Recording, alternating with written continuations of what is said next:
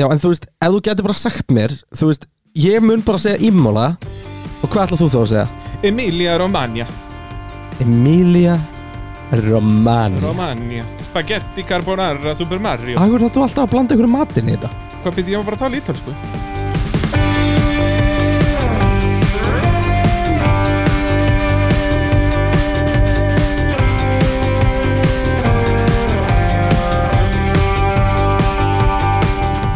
Jú, það er Peturinn sem hilsar hér í beinni útsendingu Nóa Sirius Studio Nei, beinni Já, ég þrá Ég er svo vanur að vera í beinum útsendingum að staðar Þetta er í þráðbyrni bara fyrir þann sem er að hlusta Bara hverju sinni Heldur að Ég, ég er ennþá, ég skil ekki ennþá hvernig beinar útsendingar virka bæði við við erum sitjum hérna í Nóa Sirius Studio podcastunum og koma okkur óvinnu vel fyrir Já, við erum í Cozy stúdíónu núna Já. Það er stúdíó 1 Og uh, já, ég held að ég hef aldrei séð Kristján jafn, jafn slakan í einum Ég einum er bot- samt, ef þú spóri, ég er í Það er alltaf svo gott að vera svona að lýsa í, í, í podcasti hvernig maður er En þetta er pínu kunnuleg stelling sem við erum í Þú þurftir að fara aðeins ofar með lappirnar Já, svona hnýðin Já, Já. og þá ertu bara í, í formúlu stellingu Já, þetta er notalegt Já, eða það ekki, en Jú. það, þeir tala alltaf um það í Formule 1, sko, að milli sessjónu og svona, það er mjög auðvelt að sopna bara í bílnum út af Þetta er svo grínast þægileg eða? Já, líka þegar þú sko, þegar þú er búin að sitja hans í sætinu Og líkamsætinu er svona aðeins búin að hita það stemning. Já, Það akkurat, verður svona aðeins mýkra og þetta er bara, ó, Mm. já, En svo er reyndar, sko, þú veist uh, eitthvað tímbilega að maður er að lifta á fullu og komið fullt af einhverjum auka vöðvum sem voru ekki þegar maður var að byrja þannig að þú veist, þá var allir gett þröngt svona utan um já, jáðmyndir bara allt í einu, bara, já. Já. En Já. þú veist, er þetta samt ekki, ég ger ráð fyrir þú að vera eitthvað tímann sopnað í bílnum. Ég sko sérstaklega hefur verið að búa til sætið Það er alltaf Já, að sitja svoleiðis út af- kjörbari já, í fjóra bara hálfan tíma dag, eða já, eitthvað já. En þú veist, eins og ef þetta er, og Formule 1 dokumenn tala um þetta, að milli bara tímatökusessjóna, þá sopnaði þér, þú veist, það hlýtur að vera agalegt að vakna síðan og bara reyna eitthvað að- Ég held að þetta sé bara kjaftaði Nefn að þetta kemur ækona þá skulle ég trúa þið já, Ég er bara enda að mala alltaf eftir því, sko. Ég slakinn fór- um ice cream á hann maður, ó, Ég fór einu svona á Evropamestarkeppni rallycrossi já, og uh, ég fór með Ava, haldur þið svo hann því að við gerum mikið svona saman jep, Fórum í Valkensvart í Hollandi Kíktu- Kíktum einmitt við á Sandvort í leiðinni já. og uh, þar fórum við að hitta gaur sem ég kalla alltaf, uh, kalla alltaf vinans sem að heitir Martin Sjanke það litla legend Ég veit ekki hver það er veistu ekkert norskur brjálæðingur kerði Ford RS200 hljóp út á brautinu út í að kerja einhver á hann ah, allavega, Hvað, hann var... var, einhver rallycross kempa eða? já, Já, legend og uh, þegar við komum þá var hann svoandi 20 myndir í keppni það eða er svo leiðis tímundugur eitthvað og ég bara trúði því ekki Nei, ég og geti ég, ég geta, sko ég er enda kann ekki að leggja mig bara yfir höfuð, Já. þú veist, ég kem eitthvað, eitthvað heim og vinnu og bara, að ætla að taka eitt eða blund eitthvað, Það er Þú endur ég veist, ef, samanlega það ef ég sopnund yfir daginn þá er ég bara veikur, Þú veist, þá, bara, þá er ég bara með COVID líklegast og hérna, þannig að ég tengi ekki en Það ég er, held að sé bara töff að segja þetta nema þetta kemur rækunni því ég trú honum alveg að vera svoandi bílum sko. já, nei, það er alveg, sko, það margir hafa talað um þetta að það hlýtur einhver að gera þetta, sko Það get- Þeir geti ekki allir verið að ljúga já, það er líka að tala með mig allir í sig en ég gerði það aldrei um, Já, þú ert náttúrulega bara pusi með að þú verður að mýg í þig eða þú ert að keppi kapp já, já, Það já, er já. ekki ladrið Jæja. Herru, við erum ekki bara já, í þessu, við náttúrulega shoutout á okkar bestu hjá bónstofunni Já Það er náttúrulega, það er ekki bara sko, ofur detailuð vinna þarna þegar skvera bílinn alveg frá að til lög með mössun og allum pakkanum að þá er það náttúrulega líka, eru þeir bara með almenn þrif í raunni, bæði að innan og jafnt sem utan þá samlega drengir með Dota Juicein sér við hendi Já, drekka þér hann Ég veit, sko, við höfum eftir að spyrja það hvort að má borða þetta ég var alveg til í smá Dota Juice Þetta hljómar líka bara eins og eitthvað nammi Sko fyrir ásið þekkja var ég ekkert hins á þetta Aron væri að snakka smá á, Já, á smá og er dót að og- leifa sér væri að leifa sér smá sko Því vil hann góður í, í hermingafastri maður og kappakstri Getur hann eitthvað þar? Hann Jep. mætir aldrei Já, það kemur að því, sko, hann er ólsegur Já, við hvetjum ykkur allavega til að kíkja á bónstofuna og uh, já, minnast á pittin Það Já, Fáðu það, örugglega það bros. sakar ekki Fáum b- jafnvel COVID, COVID knús það er bannað Já, en COVID knús er bara svona blut, Þetta er versta plögg sem ég hef heyrt Já, við Eitthvað. erum ekkert ólsegir Já, þú ert, ekki að meina, þú ert ekki að meina að ég fái COVID ef ég knúsa það Já, nei Fá, sérst, COVID knús er bara að knúsast með tveggja metra millibili Já, Ekki gera það með Sigurinn Kjartansinn út að hann næra að knúsa þig frá tveim metrum.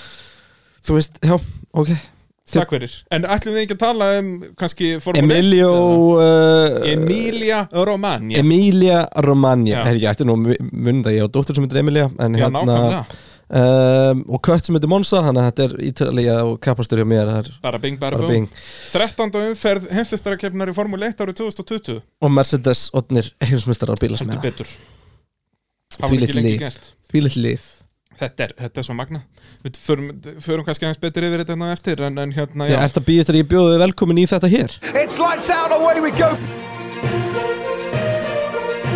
And Monsieur Beckham's checkered flag puts the seal on Fangio's win. One, two, three, four, five cars off at the corner. Eight seconds later, and it's Sterling Moss in second place. and James Hunt is the world champion.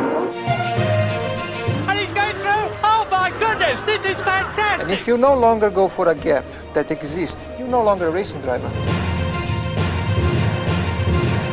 That didn't work, Michael. You hit the wrong part of him, my friend. jú, það er sögumadurinn Bræði Þórðarsson sem heilsar Mm, og uh, bettin komin undir allt í toppmálum þetta er Og- góð betti þar með hefst lestur Þegar ég byrju, þegar ég held að það gæti ekki farið betur um mig hérna það er endar ekki, Þá kom sögumarinn Bræi og bettin þú ert eins og nýriðin kettlingur hérna fyrir fram að mig þetta er með ævintýrlega mögulegitum Á, og þar með hefst lestur. Kapastusbrautin í Ímóla var smíðuð árið 1953 en eins og, eh, flest, eins og í flestum borgum í Evrópu hafði þarf verið keft í götukapakstri í Ímóla fyrir það. Mikið var keft á brautinni fyrstu árin, meðal annars í Formule 1, en þó var það ekki fyrir árið 1980 sem fyrsta heimsmeistarakeppnin í Formule 1 var haldin á brautinni. Og það var náttúrulega út af að vera að smíða sérst nýjan pitt á Monsa og vera um að betrumbæta þá braut eins og ég talaði nú um í, í sögustundinni fyrir Monsa-kapakstur. Nelson Piquet vann þessa fyrstu keppni og reyndist kappaksturinn svo skemmtilegur að keft var á brautinni stanslaust allt til ársins 2006. byrju, byrju, byrju, voru þá keppni valdar út í að voru skemmtilegar? Já. Hvað gerðist? Uh, Hvaða hálfviti ákvað það? Hann, hann Bernie Ecclestone uh, breytti því. Við hefum ekkert að gera með skemmtilegar keppnir Við hefum bara að fara í einræðisríki Þetta tengist ekkert cash, við getum hægt að gera þetta Þetta snýst bara um að sína stöðning Fara út um allan heim Já, vera sínilegir og Vera huggulegir. sýnilegir. Akkurat, akkurat. En að velja keppnir út frá þessu skemmtilegar En alltaf bara Já, fáránlegt tómþvæla, tómþvæla. Eh, Gott að við séum komin yfir af þessu Já. og Við viljum aldrei aftur fara á skemmtilega braut En þar sem keppnin á Monsa hétt alltaf ítalski kappaksturinn, fekk ímóla keppnin heitið San Marino kappaksturinn, en, en smáríkið eh, er tæpum 90 km sundan við brautina. Sem er svo geggjað sko Því að San Marino, þú veist, þeir spila á móti Íslandi í fótbolta Það var bara eitthvað svona, herri, kann einhverja mark Kemur einhverju íþrótt að kenna einhverju skóla Já, Já, ég, já, já, slökkvillismenn í vörninni Já. og allt í toppmálum. Bara geggjað sko Uh, mörg sögufræga atvik áttu sér stað á brautinni í gegnum árin. Árið 1982 enduðu Ferrari í fyrsta og öðru sæti eh, eftir að aflmiklu, aflmiklu turbo og runobílarnir duttu úr leik. Frakkin Didier Pironi hunsaði þó leiðskipanir og kom fyrstur í mark á undan Gilles Villeneuve. Kanadamaðurinn fyrirgaf leiðsfélaga sínum þetta aldrei sem hafði mikil áhrif á frakkan þegar að Gilles lést aðeins nokkrum dögum setna í tímadökum á Solterbrautinni í Belgíu. Aldrei Það- fara ósamal að sofa Já, það er... Þetta er svolítið þegar þeir eru þetta að knúsast Já, sérstaklega í Formule 1 in the 80s wow. En þarna var formúlan samt alveg orðin frekar safe, sko, þetta var alveg frekar mikið sjokk Þarna Já, hafði ekki fyrir dáið utan í bara... bara- nokkuð mörg ár Fyrir utan bara að nokkrum ára setna dóu svona 70% af þeim sem kefti þessari kemni Það er unnur það Já, það er svo saga sem við munum fjallum hérna eins og eftir Árið 1989 kviknaði fyrst eldur í sambandi McLaren ökumannana Ayrton Senna og Alan Prost eftir að fyrstir neistinn kom í portugalska kappakturinn árið áður eins og ég talaði um hér í sögustundinni síðast McLaren læstu fremsturöðinni með Senna á ráspól Samkomulag var gert fyrir keppnina um að sá sem kemur fyrstur að fyrstu beigju myndi vinna án þess að fá pressu frá liðsfélaga sínum og reyndist að vera Senna sem kom fyrstur að Tamburello. En svo var enduræst og þá var Prost sem kom fyrstur út úr fyrstu beigju.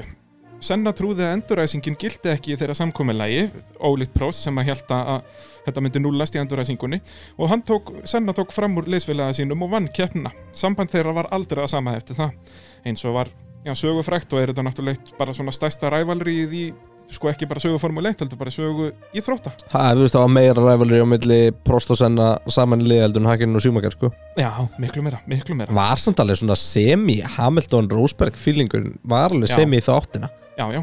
veist, hann var ekki komst jafn- hann var að einhvern veginn þessu ekki á jafn- þetta level, sko. Nei sko, hann var ekki að brútal á brautinni En þú veist Rósberg var alveg að spila sko, þetta mindfuck sem að Senna og Prost voru báður að spila og þetta Hamilton hefði meira bara verið einhvern veginn svona með í því að reyna að fókusa á sitt svo bara alltaf með einhvern veginn að pota í sig bara hei, hei, hei, hei, hei, hei Al- algjörlega, en þannig mitt var þetta miklu meira á brautinu bara út af því að þarna voru heldur ykkar reglurnar ekkit jafn hvassar og þeir eru í dag Ég veit Þetta- að pitturinn verið langur þarna alltaf þetta hefði verið andjók svona fjóri tímar hver þáttur það er ekkert, ekkert, ekkert flóknara en það Ímálabrautin var þekkt fyrir háhraða beigjur og var þar engin svakalegri en Tamburello sem er ekki lengur til í summynd já, eins og við munum minnast á hér á eftir Nú, ok, sorry ég, Ég- Er ég alltaf að spoila? já, gæti verið sko Já. En sko, vissið þú að árið 1987 en Nelson Pika Heyrðu. harkalega á Gad- grjótarins Damn it, Christian Árið 1987 endaði Nelson Piquet harkalega á grjótarða steinvegnum sem tók við ökumönnum sem fóru hjá mörkin Hvernig er steinveggur sem er ekki grjótarður? Já, það er, ég Já, er bara að reyna ok, að vera já. dramatískur Já, hérna ok, og þú ert ok. að ruggla mér í rýmin Já, ekki mál En steinvegurinn var einmitt nokkrum metrum frá breytin, þetta var náttúrulega tóm Hann var þvæla grjótarður sko Já, og lí, þú veist, það var ekkert rönnafæri, það var ekkert Nei, það var líka bara eitthvað sem þekktist ekki Ég meina við vorum að tala um tríin og nörbjörgum daginn sko. Já, en ég meina það var sko 20 Já, þetta árum er fyrir hvað er þetta? 80 og Þetta er 87 sko. Og já, 1989 endurtók segðan sig er Gerard Berger krassaði herkalega á sama vegg og endaði bílinn í ljósum lógum. Berger var heppinn og slapp með skrekkin aðeins með brendar hendur. Já, slapp aðeins með brendar hendur Já, ég meina, þau- þú veist, fyrir þá sem hafa séð þetta krassi getur YouTube að þetta. Já, þetta. ég er bara að ógeðslegt. segja hvað, Bíllinn þú fer í veist, þetta er eiginlega í tvennt. klikkað að við segjum aðeins en Já, samt er hann skjæðbrunnin og höndorum sko. Jep. Uh, Michael Arboreto, eða Mi- Michel Alb- Arboreto, eða hvernig sem hann segir það, Mikkel, og eh, Ricardo Petresi voru einni hefnir að sleppa lifandir frá harkalugum áraksturum með stemvekkin árin eftir en það var árið 1994 sem hefnin kláraðist. Ímóla keppnishelgin árið 1994 er svo vesta í sögu Formule 1. Rubens Barrichello var sendur á spítala eftir harðan árakstur við dekkjavegg á æfingu á, á, árinu heldur hans áfram og því við erum að fara að tala um miklu dramatískari hluti en ég vill ekki fara tilbaka í þetta Hefur þið séð þetta krass? Já, þetta er ógeðslegt, hann stekkur eiginlega yfir veggin og Já, og veggur þú veist- grýpur hann bara Hvernig hann kastast og svo er hann bara alveg bytn í loftinu og hvernig hann lendir á vegnum Þú veist, við erum að tala um að Rubens Barrichello hafi ekki látist þarna meða við hvað gekk svo á þar og eftir er fáranlegt sko. Já, hann vil einhver tala um það að höggið er það mikið að hann er unni nefbrotnar við að skalla stýrið sko. með hjálm Já, ég segi það, þetta er ógeðslegt sko. og sko já, þetta er svona eitt af þessum svona eitt af þessum uh, krossum þú veist, eins og var í gamla þetta því meður og náttúrulega allt um er barnaslið svona þegar maður, maður sé vídeo þú veist og hausinn liggur bara til hliðar Já. þú veist, Enda það líka, ég bara þú man ekki eftir að sé það í formuleitt með þess að Alonso þú veist, Alonso krassi í Ástralíu Kubica, það var það 2007, þá lág hann það er endar, Það það er er sennilega það svakalegasta Kubica og maður- maður sér 2007. ekki í lappirnar á honum sko. já, Kubica Þetta er 2007 en síðan var Alonso krassi í Ástralíu líka Já. skuggalegt Já, sko. það var það Það var samt svona meira spektakular Það var ekki svona Það jafn var- harkalegt, fannst mér sko ég hef því miður líst keppni það sem var barnasliðis Já. sem að var náttúrulega Jules Bianchi í, í, á Suzuka En við sáum en við sáum aldrei hvað En, gerði sko. sko. það, en náttúrulega eftir Arton Senna döðan sem við erum að fara að tala um að þá var útsendingunni breytt núna er útsendingin send út með 20 sekundar til delay þannig að þegar að eitthvað vafasamt gerist að þá er það aldrei sínt nema það er Já. það að vita að aukumæður er í lagi en sko ég held að Alonso væri farin sko. þannig í Ástrali það var svakalegt sko hann var alltaf að fara að vera í haki að gæinn hefði labbað frá þessu er sturla, en ok, sorry, ég ætla ekki að tröfla Jú, það, til þess ertu hérna já, fyrir ekki, ég skal tröfla meira Já, uh, í tímatökunum ljast Roland Ratzenberger eftir að hafa mist framvangin undan bílnum í Villeneuve beigunni. Í keppninni var það svo góðsögnin Arton Senna sem var svo síðastu til að klessa á steinveikin í Tamburello beigunni. hvað er Vilnuböðan? Beigjan Eh, eftir Tamburello, sérst hlikkurinn þar. já, Bara þar sem að... sem það var í Tamburello sem ógæðslega gaman að Max horfa á um Verstappen- helgina Var það ekki verðstappin sem sprengdi þar eða var það í Tamburello? Mér minnir að það hafi verið í Villeneuve. sig. Vilnub, Uh, já, Arton Senna var svo síðast til að klesa honum Stenvegg þar sem hann var í sjálfsögðu settir dekkjaveggir þarna eftir, eftir þetta. Á sjöunda ring fór bíl Senna af akstuslínunni og beint á Stenveggin. Það hefur enn ekki verið staðfest hvað fór úrskeiðis og munum við aldrei vita raunverulega hvað olli krasinu. Í högginu fór önnur framspinnan í höfuðið á Senna sem að lést á spítala nokkrum klukkustundum síðar. Eftir þetta var brautinni breytt og Tamburello ekki lengur löng vinsturbeigja heldur vinstri hægri vinstri hlekkur eins og við eh, já, þekkjum í dag og sáum um helgina. Michael Schumacher vann keppnin árið 1994 og vann svo heimsmeistaratitilin um haustið titil sem hann hefur ávallt til engað brasilísku góðsögninni og uh, sko ef maður horfir á reviewið 94, þetta var mjög steikt tímabil út að það var í rauninni öllum brautum breytt eftir þetta eins og við töluðum um í síðansta þætti Spa, sérst Órús var með bara hlið með dekja, bara Bara eins og dekkjastæður, gókart keppni á Íslandi Já. líka við og, og fleiri og fleiri brautir voru, voru breytt eftir þetta en þetta hafði líka verið svo áhugaverð tímabil út af þarna erum við að tala um að Schumacher er í hörkvist lag við Hill, Damon Hill sem að var nýliði sem sliðsfélagi Senna hjá Williams Senna hafði allan tíma tekið hennan titil og svo náttúrulega hefði verið svo áhugavert ef og hefði, hvað hefði gæst þarna eftir Schumacher hafði allan tíma tekið titil 95 á Benettoninum og það var bara besti bílinn og þú veist, Senna hafði ekki átt róðið hann á, á Williamsinum þó að Hill var svona alveg þannig sér nálægt en, en held ekki en svo en hefði þá ekki bara átti senna Williams- að fara til Ferrari það hafði verið rámt, eða sérst Williams aftur síðan næstu ár, sko, ef hann hafði haldið áfram hjá Williams, að þá hafði Já. hann unnið 2-3 titli viðbót, sko, það er mjög auðvilt að segja allavega að senna var mun meiri aukumar heldur en Damon Hill já, á þessum tíma skilur, að Hill var alltaf mjög mikið understötti hjá Senna, sko, Senna var já, alltaf- hann var, þú veist, William sem var besti bílinn þegar Hill vunum mestari akkurat, akkurat, hann er að, þú veist, já þetta, ef og hefði, það er alltaf gaman að því Schumacher átti eftir að vera sigur sænlæstu ökkuþörun og ímóla og vann hann San Marino kappaksturinn alls sjösinnum. En þó eins og Schumacher einu með lægið komið upp nokkur vafa sem augnablik, til dæmis við Juan Pablo Montoya í Tosa-beyjunni árið 2004. oh, ég elska Juan Pablo Montoya You know, you gotta either be blind or stupid to not see me, but you know, it's racing. Þetta er, eh, já eins og við heyrðum í þessari klippu að dásamlegt kvót frá honum þarna að, að hérna eh, þegar að Schumacher segist ekki að hafa séðan You're either blind or you're stupid Van Pampolum þá er náttúrulega geggjaða karakter sko.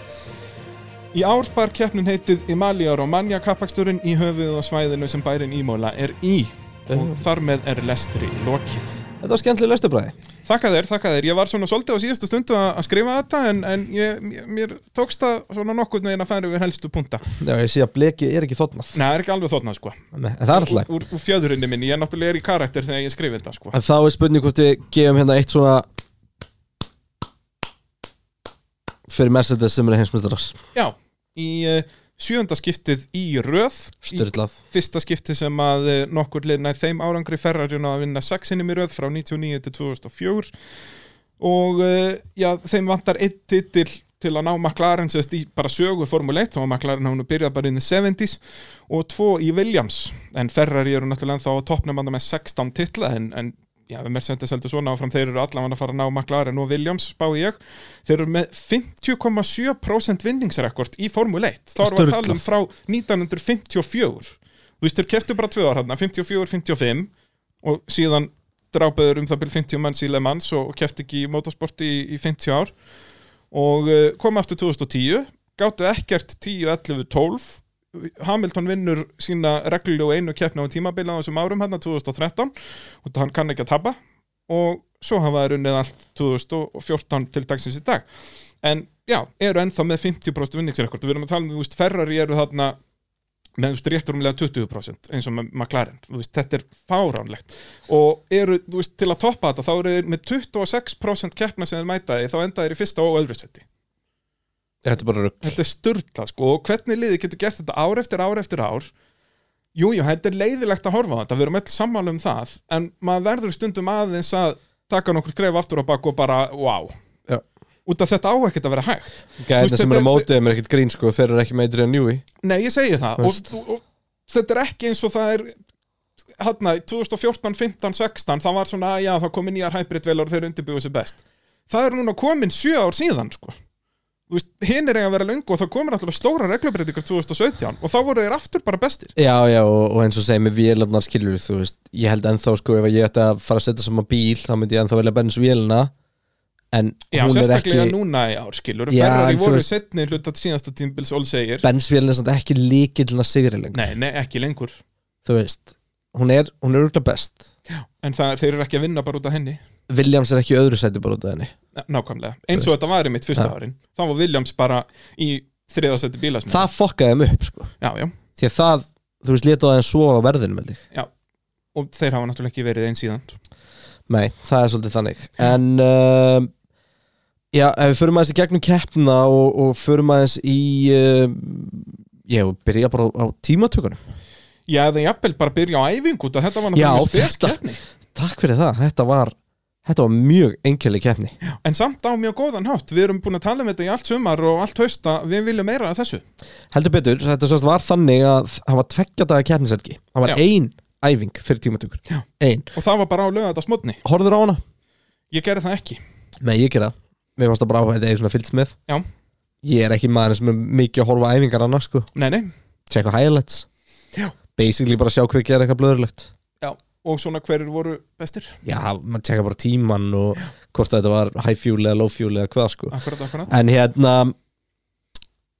Þetta var skemmtli breyting Og það var Já, alveg og þetta augljóst var í að þetta rauninni hafði gert- áhrif Já, já, algjörlega Og s- sest, þetta væri henni gert bara f- fyrir sess að skipulags uh, reasons, sess að bara út að það var keppni síðustu helgi Ég bara í Portúgal. tryggja að allir myndi komast Já, og það er alveg svolítið ferðalag hann Já, að Keyra- tala um að bílandi myndi ekki ná fyrir en á hvað miðvikudeginum Já, seint á miðvikudegi já, og- já, sent á miðvikudeginum og þá þurftur að byrja að setja upp og það var svona gegn því að það eru engin COVID-tengd vesen stopp á leiðinni og, og Þannig að, þú veist, þetta er náttúrulega aðeins meira í dag heldur en það var hérna fyrir 50 árum síðan þegar maður bara bakka bílum að kerrunni og settur hún í bílskur þú þurft að byrja á að smíða bílskurinn þinn já, Það er- eða svona líku við já og uh, síðan einhverja aðstöðu fyrir miljón manns Já.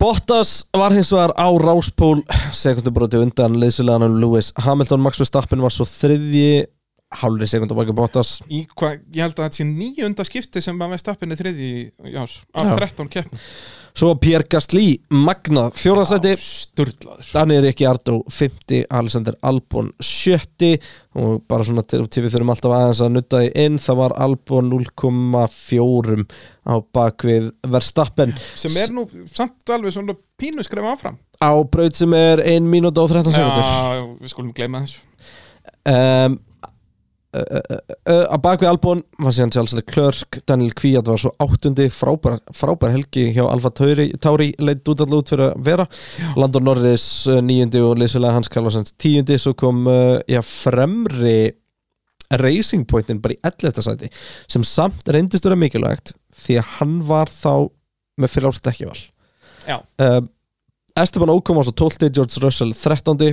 rétt á undan Sebastian nokkrum Fettel Það- Slagurinn þeirra heldur áfram í ár Landstról 15. og svo komur hérna Grúsjan Magnússon, Rækkonen eh, Latifi og Giovannizzi og eh, ég var eitthvað sem að þú tókst út úr tímatökun annað en bara eins og við jókum með hérna fyrirfram þetta var færri sessjón heldur en vennilega þannig að Bottas átt alltaf að vera ráspól Já, það er Já, svona fyrir Bottas hattar hann hann úti að hann er hann er alveg nokkuð segur hann er ólsegur í að koma svo að stað á kérniselgi allavega Já, það er svolítið svoleiðis hann, Við erum alltaf að tala um að hann verða að vera meira eins og Rosberg og hann svo sannlega gerir það núna um helgina og þetta hann mætti með mottu en mér skildi þetta sko mætti eins og kekki Rosberg en ekki Nico Rosberg og þú veist svo stil einhver liðlegum brandar internet Jep. akkurat núna Ég sá ég bara góða sá hann jarma áðan hérna Ah, þetta var þetta mjög góð jarma ég Mjög vikina góða jarma En uh, Já Ef við byrjum bara aðeins að, á að, að- að ræða þetta einmitt hjá þeim um, Byrjum á Mercedes Já Byrjum bara á,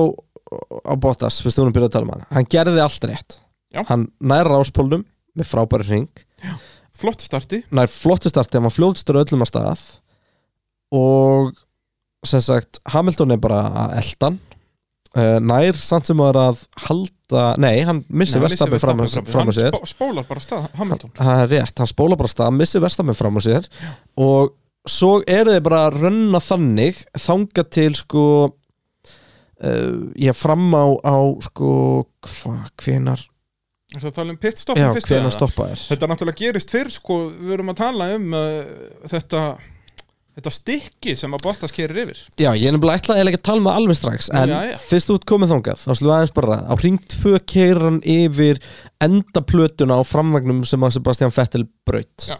eða brotnaði hjá og hún festist þannig einhvern veginn sko, við ætlum að tala um að fest undir framvagnum en mér sýnist hún alltaf einhvern veginn vera í barnsportinu meira sko. Já, þetta er svona sérst, formúlubíl er hann með framvæng svo kemur dekkið og svo kemur mjög komplex hlutur Já, sem í og, gamla og dag var alltaf bara svona framvængurinn ein plata framvængurinn raun og veru stýri loftinu þanga inn Akkurat og það Og stýri þarna svo eru- loftinu í gegnum allan bíl Miljón carbon fiber búti Já. til að stýra loftinu bæði undir bílinn og framhjáunum og allt þetta og þetta virðist festast í eitthvað af þessu uh, mumbo jumboið þarna og, Já, og, þetta er ekkert lítill hlutur Nei, þetta er bara ristur hlutur og hérna Ó, það var svo mikið börn hann E í ESPN að rare podium finish for Ferrari Jep, og Vá. Vettel bara frábæra árangur í honum allan að parta bílum hans en Vettel sko- er náttúrulega greinilega sko pyrraðar á því að bara eiðilegja reisi fyrir sjálfum sér að hann er byrjað að eiðilegja reis fyrir öðrum bara til að gera smá fút í þetta uh, En uh, sko Það er verið að tala um að hann hefði mist hvað, 50 downforce-punta á Já, þetta er vinstri hlið náttúrulega- bílsins sko, á tæknilegu tali er mjög auðvelt að sjá af hverju sko, út að, jú, jú, einhverju vilja meina út að þetta var fast þarna, þá ruggli það eitthvað airflowinu, við erum að gleyma því að þetta er ferraristykki sem er fast þannig að það er skiljalegt að Þetta er- bílinn þetta verður er eitt um allir í steik múrstinn þannig að Já, já, það gengur ekkert að Nei. ef þetta hefði komið bara af, þú veist, bleka partusnum að það það er hefði bara, ekki verið neitt þetta er bara annað. linkað Ég segi það sko, en þetta var ferrari þannig að þetta Þú var ert svo vita mikið vonlaust. fíbl sko, það er ekki eðlilegt En sko ég er mitt setti hérna inn í skjálöku Við bræðisast höfum það fyrir sig að Við erum með skjál live á meðan við horfum á kefna Já. Við erum á punta í okkur og þar skrifum við þetta vangaveldur á 15 ring Verstafin er ennþá undir sekund og eftir Bottas Mhm. Ef Hamilton hefði verið fremstur hefði hann ekki alltaf verið búin að losa sig frá Verstafin og þar með hinn Mercedesin á bakvið Algjörlega. En þetta er þá í raun og verið útskýringi fyrir því að hann gat ekkert gert Og það er það skrýtna við þetta, við fengum ekki sem sagt tímradióið fyrir bara hvert að fara tíundar hringa Já, þegar hann segir bara hérna og þá er hann bara liðið að segja að það sé skemmt Já. vinstramegin líklegast í á gólfinu gólfinu akkurat og það er út í að það sér enginn hvað er að það er enginn búin að spotta þetta stykki Já. En þeir og sjá bara á dataðinu að þetta er allt í, þeir trúðu sig ekki fyrst þegar þeir sá þetta, að bara nei, það getur ekki verið við sem tapa svona miklu downforce í. Já. Og síðan horfðu þeir á bílinu og nei, það, við sáum ekki það. En maður fyrir þá bara- eitthvað að reyna átt að sjá hvað þetta ætti að hafa gerst Já, já, og þú veist, venjulega þegar þetta er svona, þá er þetta golfskemmt. Við höfum séð það skiluru, var ekki Hamilton í Ástralíu í fyrra og í Austuríki ári þar áður eða eitthvað að, að þegar golfið skemmist á þessum bílum að þá verða þeir bjánalega hægir og maður veit ekkert almennilega af hverju. einmitt og verða bara eitthvað skrýtnir Já, svona. já, en allavega, síðan á uh, já, sem sagt, ákveður ákveða Red Bull að reyna öndukötti á Bottas því að þeir vissu bara að verstafinn var það mikið fljótari heldur en Bottas Mhm. á þessum tíma verstafinn fyrir út, dekkin ekki alveg nógu góð hjá honum og eh, fer inn fyrir ju Bottas fylgir strax ringu eftir hann verður að svara verstafinn já, já, út að le- liðið veit líka að það vantar hætningu upp á peysið. Já Mér hins vegar, nei það var ekki þá, það var í safety car stofnum þá finna þeir stikkið og náði taka það úr, Nú er það það kláraði ekki kemna með það Nú, sko. ok, og hérna, ég vissi það ekki. það er bara vídeo sem gekk um að því, en það var þe- safety car pitstop, það var ekki þetta pitstop Já. uh, Bottas verið út, kemur upp- aftur fyrir framanverðstappi en Hamilton fær þau skilaboð að extenda Já, býður hann ekki um það sjálfur. og sko, mér fannst svo áhugavert með Bottas þegar hann fær skilaboðin target minus 6 Já. aldrei manni eftir að hafa sett hirt target minus 6 Sko, ég Sest, veit tar, þetta... fyrir, til að útskýra Já. þá er að tala um sko target er að fyrirfram er teknistjórn og liði búin að ákveða að þú kemur inn og ring sem bara 20 Já. og þannig að Þannig að mínus target sex- minus 6 er þá þetta er að koma inn á 14 ring Já. Sko ég hef heyrt þetta þegar að menn er að skipta drastikli um strategíu Já. Þú veist að þá heyrir maður, þú veist, Þetta er target mínus bilað 20 margir eða hringir, eitthvað. sko. En þarna, út af þarna voru þeir ekki beint að breyta um strategíu, skilur Þarna voru þeir bara að Já, fínisera þetta var löngu en eins og komið, segir, sko. Mínus 6 er, já, Alveg bara fjandi brútal, mikið sko. Venjulega er þetta, þú veist, 1-2 en Hamilton allavega sem sagt, nær þarna að koma að pulla út þetta, þetta bil og Já. þetta var náttúrulega mesta Hamilton dæmi í heiminum því að sem sagt uh, hann heldur áfram að pulla út bilið og pulla út bilið og vitum enn það kemur út virtual safety car akkurat þegar það er réttu tími fyrir Hamilton til að stoppa akkurat þegar hann er að koma að þjónum sæðinu hann kerir inn, tekur dekkim, vaffir sé endar og hann er aftur út og sko bara eins og segir virtual safety car var bara í gangi rétt að meðan hann var inn, í, inn á þjónustusveðinu Og og, svo bara hann búið. fær kallið svona 100 metrum áður en hann er að koma inn í pitt þetta er Já. bara, þetta gæti ekki verið fullkomnara en hann var búinn að sest, hann var, hann var akkurat á 27 sekundinu sem tók að stoppa á þessum nei, hann tíma. var á rúmin 28 Já, var hann Var komin, kom- já, út af því að Bottas hægir of mikið á sér á sérst tvöföldu veifu guluflökkunum þar sem okkur er stopp, Já. fyrst voru bara tvöföld gul og maður heyrið það innan á bílum með Bottas að hann slæra alveg vel af, þú veist, Hamilton gerur bara þetta er bara beitkabli, Já. slæra af bara í halva sekundu Bottas slæra of mikið af þarna og tapar, þú veist, tæpri sekund á þessum eina ringarna og þar með sérst, pitstopp á ímúla tekur 27 sekundur ef að, stopp, ef að stoppið sjálft svona 2,5 og þannig að það var, já, targetið og Hamilton var komið með þarna svona 28,5 cirka. hann var allavega í einhverjum 27 hann í byrjunum um þetta þessum ring og, hann, eins var, og hann seg, var komin yfir 27, ég man það sko já, og þetta var hérna vissulega þvíli keppni en síðan eins og þegar maður horfði á hvernig reysið þróaðist að Hamilton hefði náttúrulega alltaf, þó hann hefði komið út á eftir Bottas sem hefði ekki verið líklegt en það hefði alveg geta gæst, það hefði hann náð fram úr með að vera Stappen tók fram úr Já, Verstappen alltaf fyrir fram úr þegar Bottas gerir mistök Já, já, en það og var og það er náttúrulega gerist þarna aðeins hérna, setna einna Verstappen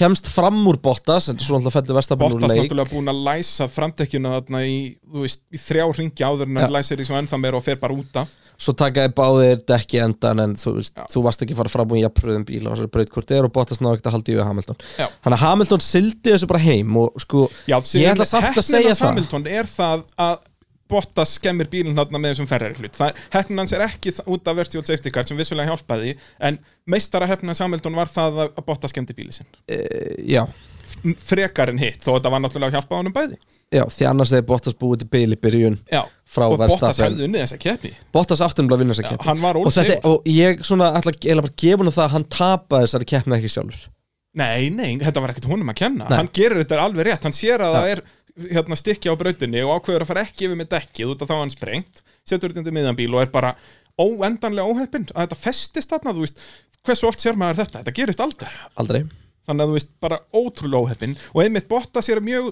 lunkin við þetta að vera óheppinn þegar hann á möguleika á sigri Hamilton er óheppinn þegar hann er annarkvort 40 sekundum á undan öllum eða á engan sens á sigri ég man aldrei eftir hann er óöpinn 40 sekundum undan öllum Jú, Silveston já, já, já, hann var ekkert óöpinn, það var bara alltaf búið til spennu Já, ég segi það, það gef, gefur svo smá líf Það er svolítið svo leiðis en hérna, sko Og til að setja punktin yfir yfir á þetta þá er þetta sko í sjöunda skiptið sem að finnskur ökuþór er á Ráspólu á Ítalíu og en engin finni hefur nokkuð tíma nunnið á Ítalíu það er hellað Það er rosum mið... Horða alltaf finnsku ökuvinn Þetta er uh, fullt af finnskum ökuvinn Bíddu, og enginn þeirra hefur hefur tekist að Kimi vinna aldrei unni á Monza Nei, var í öðru sendi 2005 minni mig og 50 2006 holy shit og Hakkinen, var, Hakkinen klúðraði tvö ár í, ég man ekki hvort það verið röðin klúðraði tvisvar þegar hann var bara aðleitt bara klúðraði alveg sjálfur, tók svona George Russell moment og það var einmitt nákvæmlega eins þá fór hann einmitt einn út í skó og og sagði fólk ég var Já, ég sá hérna einhverja photoshopaða mynd af öllum sem Já. er búin að gera eitthvað svona í einhverju pikniki hérna og Alonso náttúrulega Í stólnum. Ah, í, í solbæði Já. sko. En ég kommentaði nú eitt sem ég veit ekki hvað fólk tók eftir en sko þegar Bottas gerir mistökin á þessum hryllilega stað hann er í Já. næst síðustu beginni og opnað hurðina fyrir Max hann gerir samt ógeðslega vel í hvernig hann breakcheckar hann Þú veist, Max er næstu bara að keira aftan á hann Já. og missir Í seinni ógeðslega vinstri beygju. mikið momentum á Já. því sko. Ég held í alvörun að Bottas var í sloppin Já, út af því að Þetta er sjúklega dörti sko en Já, þetta er, já, þetta en- er löglegt Já, já, en eins og þú segir, dörti, anlöglegt, já, alveg rétt og, og maður, maður held að- að Vestapen hafi tapað þessu, sko Já. En, en já, já, Bottas ólsegur og þú veist, maður veltiði um þetta fyrir sig þú veist, hvort hann var annarkvort að slátra bara dekkjunum hörðu þá eða, eða bara þú veist, Mercedes hefur bara ekki trúan geta haldið í verstafinn en þá vitum við núna í dag, hann var beisli bara að fara að offset strategy reyna að gera eitthvað Já, út með þessu af hann aukast var pitstopi hann Haltur út af þessu, þessu stikki um, Hamilton náttúrulega hann I'm going to pick up the pace, don't stop me grjótart Jep bara dekkinu í lagi, ekki voða ykkur að stoppa mig og það var alveg rétt, hann var að taka bara halva sekundu, halva Já. sekundu, halva sekundu og svo var hann bara ennþá hraðast út allir aðra nýjum dekkin Já. þessi gæi er ekki lægi sko, hann er ekki í lagi þú veist, og hvernig hann er búin að mastera þessi dekk það meika bara, það meikar ekki sens hvað hann veit mikið um þetta og svo verða þeir allir á sömu dekkjum að næsta árið þannig að hann, hann mun hjálpa honum Pirelli mun ekki komið nýdekk á næsta árið það er ekki, út af COVID er ekki tími til að þróa nýdekk nákvæmlega þannig að það er Það fyrir er bara- hendur Hamilton Hamilton er heimsmyndstari 2021 líka Já, við vissum það nú alveg líka bara eftir Austuríki í ár Já, ef hann skrifa undir nýja samning Já, svo er það, við kannski tölum um það eins og eftir Já, um, sko Hann getur orðið heimsmyndstari í Tyrklandi eða ekki Jú, hann þarf annarsætið og hraðasta hring Það dugar hann sérst ef Bottas er fyrstur og Hamilton er bara með átjónstig Þannig ef að Hamilton vinnur í Tyrklandi er heimsmyndstari ef hann er á undan Bottas vinnur hann en, en það dugar hann um að vera í öðru senda eftir Bottas með hraðasta hring, þá vinnur hann líka Já, þannig að hann verður heimsmyndstari í Tyrklandi Já. Áhugavert Það Ekki nema Já, ég- að eins og hann ég væri í öðru spáði hér sæti í, í, í, og og myndi- myndi Sko, ef- kemur ekkert óttum, ef hann var í öðru setja myndi hann passa upp og hann ná ekki hraðast að ringna til að vinna heimsmyndstari til ná sigri Já, hann er náttúrulega sko frægur fyrir það að vinna alltaf sko í Mexiko í sjötta sæti eða eitthvað Það er mjög steikt, út af Mexiko er svona bókibraut fyrir Mercedes Það að að þetta er mjög einkennilegt að- að alveg oftar en einu sinn er hann að vinna titilin og hann er ekki einu svona palli En sko Sko, Mercedes verða að svara pitstopni á Red Bull Já, já, og ég held að það er raun það opnar á sigurinn fyrir Hamilton og við erum alltaf debri hérna, hana en svona talum En um. erum við ekki samanlega að við ætlum að gefa bóttast að hann stóð sem manna best um helgin og hefði átt að vinna þessa kefni? Jú, þú veist, ef við varum með engunagjöf hérna þá myndi ég að gefa Bottas hærri engunin Hamilton Það er það ekki. Hann var betri í tímatökum, hann var betri í startinu, hann gerði ekkert vittlust nema, jú, hann verður náttúrulega að taka án, þetta voru aukumannsmistök þegar hann missi Max fram á sér, en það er náttúrulega spurning hversu mikið hann var þá líka bara að reyna með bíl sem var ekki með gripið, sko. Já, já, og það er náttúrulega mjög skrítið fyrir gæði sem er búin að vera að keira hennan bíl núna endalaust í allt sömar og allt haust að keira hann síðan núna með minna danfalsvennan ef annur, þú veist, þetta er Já. alveg erfitt en vissulega, jú, rétt, þetta eru aukum mistök Já, Mercedes eru bestir, það er bara þannig, og eru heimsmestrar, og farið hverju Red Bull eða? Já, hvernig Er er var það? eitthvað, þú, þú varst með eitthvað hérna um Toto Wolff? Já, hérna, eigum að- eigum að hlusta á þetta hér At the beginning of my, my stint with, with Mercedes, I remember a discussion with Alan Prost, and I said to him, What went wrong um, between you and Senna? And, and he said that sometimes um, we didn't know um, whether we had the support of the team or not. And, and there was always a, a politics involved. Now, I don't know if that is true because I wasn't part of that, and, and certainly they had a great era. But we don't play politics. We play politics outside, but we don't play any politics inside. I would never permit that. Transparency, o- being honest with each other, blaming the problem and not the person, empowering, is uh, are the values that are of utmost importance to us, and that's why it's a good place. It's a fun place, uh, but it's also a pushy place. Já, þannig er rauninni Wolf bara létt svona að tala um hérna svona já, ráð sem hann fekk frá Alan Prost þegar hann talaði um það og þetta kannski er svona sýnir hvað á maður að segja, dedicationið að, að þú veist, Tóta Wolf reynir allt, hann talar við alla og, og já, gerir allt sem mögulega getur til þess að búa til besta liðið og, og svona lýsir þessari, þessari svakalegu barátt í þessu Mercedes-liði og, og Hann, eh, Ted Kravitz talaði um þetta í, það er alltaf svona notebook hjá hann Elska Ted's Notebook. hérna. það er best í heimi og þá er mér talað Hann er svo mikið nörd. ég veit það og hann talar um sko hvernig liðsandin er í þessu liði ef ykkur gerir mistök þá er hann aldrei kallaður Það er út fyrir liðið sem gerir Já, mistök. það er liðið gerir mistök og ok, þau vita alveg að þessi þarna gerir mistök en þá bara kemur liðið En allt það þú saman sást það, og þeir gerir voru, betur þeir voru á pallinum að vinna heimsmyndstöldilin og það fór mekanika upp sko já, bara í drullugallanum Já. bara, og, og hérna sem er þetta aldrei, dásamlegt. aldrei drullur en það er nú Nei, það líka maður myndi sjá það vel að hann væri bjánalega, græn, drullugur. bjánalega græntgalli sko Jöp. en hérna Tóto er náttúrulega ekki múin að skrifa undir nýjan samning já, já, hann og Lewis eru, eru saman í þessu er þeir ekki eitthvað að dansa eitthvað saman að það Jú, einn jú, kallar á en- hitt, þeir vil ekki vera nema hinn verði áfram Já, og er að nýta algjörlega. hvern annan einhvern veginn í að eigum við að tala eins um þetta núna bara Tölum aðeins um Klára þetta, sko. Já. Mér finnst skrítið að Hamilton sé ekki búin að skrifa undir samning Það er alltaf að þetta er bara formsatri, þetta er bara formsatri Já. En akkur er það ekki búið að fokkin ganga frá því? þeir tala um að þessi erfitt út af COVID og eitthvað en- Já, því þeir hittast aldrei Gleymdu þessu- Já, nei, út af því hreitt ekki með Daimler, skilur Já, vá Út af því að það er ekki bara allir að tala saman og, Það getur alveg einhver frá Daimler komið bara Já. Þetta er rosa skríti Hva, Hvað heldur þú, er hann að fara að hætta? Nei Ég held, Það er- ég held ef að það er máli bara að gerast, það Ég er held að bara- máli sé- Ég held um að Við gruna hvað máli er Eh, Ég gruna hvað máli er Ég held að það sé samningur á borðinu Fyrir Hamilton sem er 30 ára Já, það er málið, sko Hann er ekki til í það sko. Nei, hann vill bara gera eins og samning og Mercedes nennar því ekki út og þá eru þeir að fara að gera alveg það sama eftir 12 mánuði Já. En þetta er Lewis fucking Hamilton Þú veist, hann er að fara að fá Já, það sem hann þetta vill er líka fucking Mercedes sko Já, já, en þú veist, heldur að Mercedes segi nei við eins og samning við Lewis Hamilton Ef að Hamilton lítur á þessum sem stærri en liðið Já, þá, Þetta eru þjóður sko já, já, það er alveg rétt Þú veist Það, allavega, já, það kemur og Hamilton er ekki virkilega farin á eitt annað sko, hann er ekki farin til samkynnsala það er ekkert sæti neins það sko. Nei, nei, nei, og líka af hverju Jú, það er myndi hann reyndar fara eitt sæti hjá Red til Bull. eða það er enda Ferrari, sæti á Red Bull Já, en hann er ekki að fara að taka það Ég skal taka Nei. upp fyrsta pittin árið 2020 alls nakin í beinn útsendingu ef að, ef að Verstappen og Hamilton vera saman á Red Bull þetta er orðið svolítið sent fyrir að taka fyrsta pittin 2020 en Ah, já, 2021 2021 Ég, ég, ég er búin að ekki núlla gera út mér það 2020. ekki gera mér Býttu það eftir að segja, ég sé ekki kynna sem dugur drengur hvað hvað líka þú veist hvað, hvað er það að eh, svakalegt challenge að tapa því að taka upp podcast nakin Já, nei, ég sagði í beinn útsendingu sko í, í, í live alveg þá verðum hérna við bara með- bannar á Facebook Já, ég meina það er Það er allir aðeins Já, Ég meina fólk verður svona frægt það er enda rétt, ertu Það er- búin að reyna það Í Hamilton reyndi þetta á sínum tíma Brallafans.com Það er til sko Það er til sko held ég, ég þarf eiginlega að researcha þetta fyrir næsta þátt þá, út að ég hef með smá research um Hamilton í lok þessa þáttar um bókibrautin hans, Ha, en ég hef heyrt að hans í til sko sextape af Hamilton og henni Pussycat Doll, Jaha það er eitthvað sem við getum þurft að fara að skoða Kristján. Ekki lægi sko.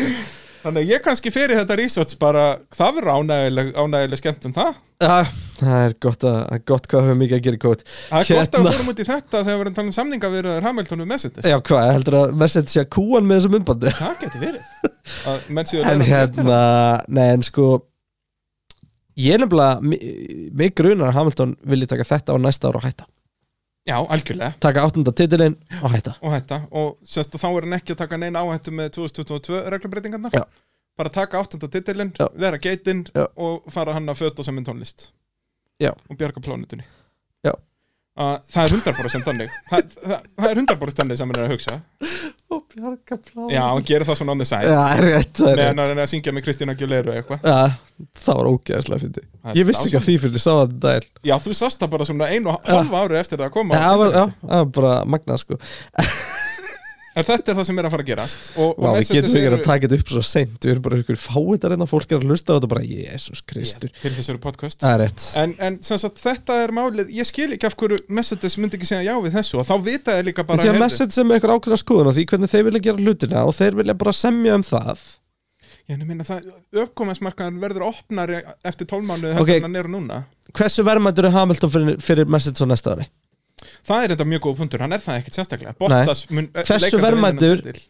Já, og þeir geta þá bara að pikka upp Já, þetta er rössir endar skilur. virkilega góða punktur En hversu verðmættur er Hamilton fyrir 2020 Þetta er og tvö. mjög, mjög góða punktur Að þeir vilja ekki, já, já, vá hvað þetta er góða punktur Þeir vilja hann þrói bílinn og koma hann að stað með sér áður nú fyrr Þetta er hárið til þér Ég hef ekki hugmyndið það Já, en þú veist, þetta meikar mjög mikið sens þegar þú segir þetta ætla að maður hefði maður svona haldið að það liggi frekar þar, því að þú veist eins og þú segir sko, ef að Bottas hefur verið heimsumstari ár á þessum bíl Já, já ef hann var einn, og skilur Bottas verður mest, þú veist, það eru það litla reglubreitingar og þetta ég er fekk mest samt, ég fékk samt hugmynda með hún að horfa á hennar kapastur um helgina bara Red Bull og Mercedes með að bara mæta með Max og Hamilton það var alltaf geðveikt spennandi slagur um þriðasettið það var bara Já. spáturskeppning pitsins alltaf um sem þriðasettið þriða setja, já, bara bing, bara búm bara nefna það Já, það er, hérna, ef þið eru að hlusta ágættum menn að að græðið þetta herri og fyrir við til Red Bull Já, hvernig Þar- verður það? Við erum búin að bláða fjör, í 40 mínútur, sko, við erum bara búin með eitt lið á 10 já ok, þetta sem þetta þetta verða þá hvað 400 mínútur Ef að spá fyrir það núna hvað þetta verður langur þáttur Hlustendur vita ég held að það, þetta sé fyrst þeir eru búin að ég ýta á- held að þetta sé fyrst í tveggjartífmyndatur Já, leikandi, ég ætla að spá tveimur, 22 ok, wow Hvað ætla þú að spá?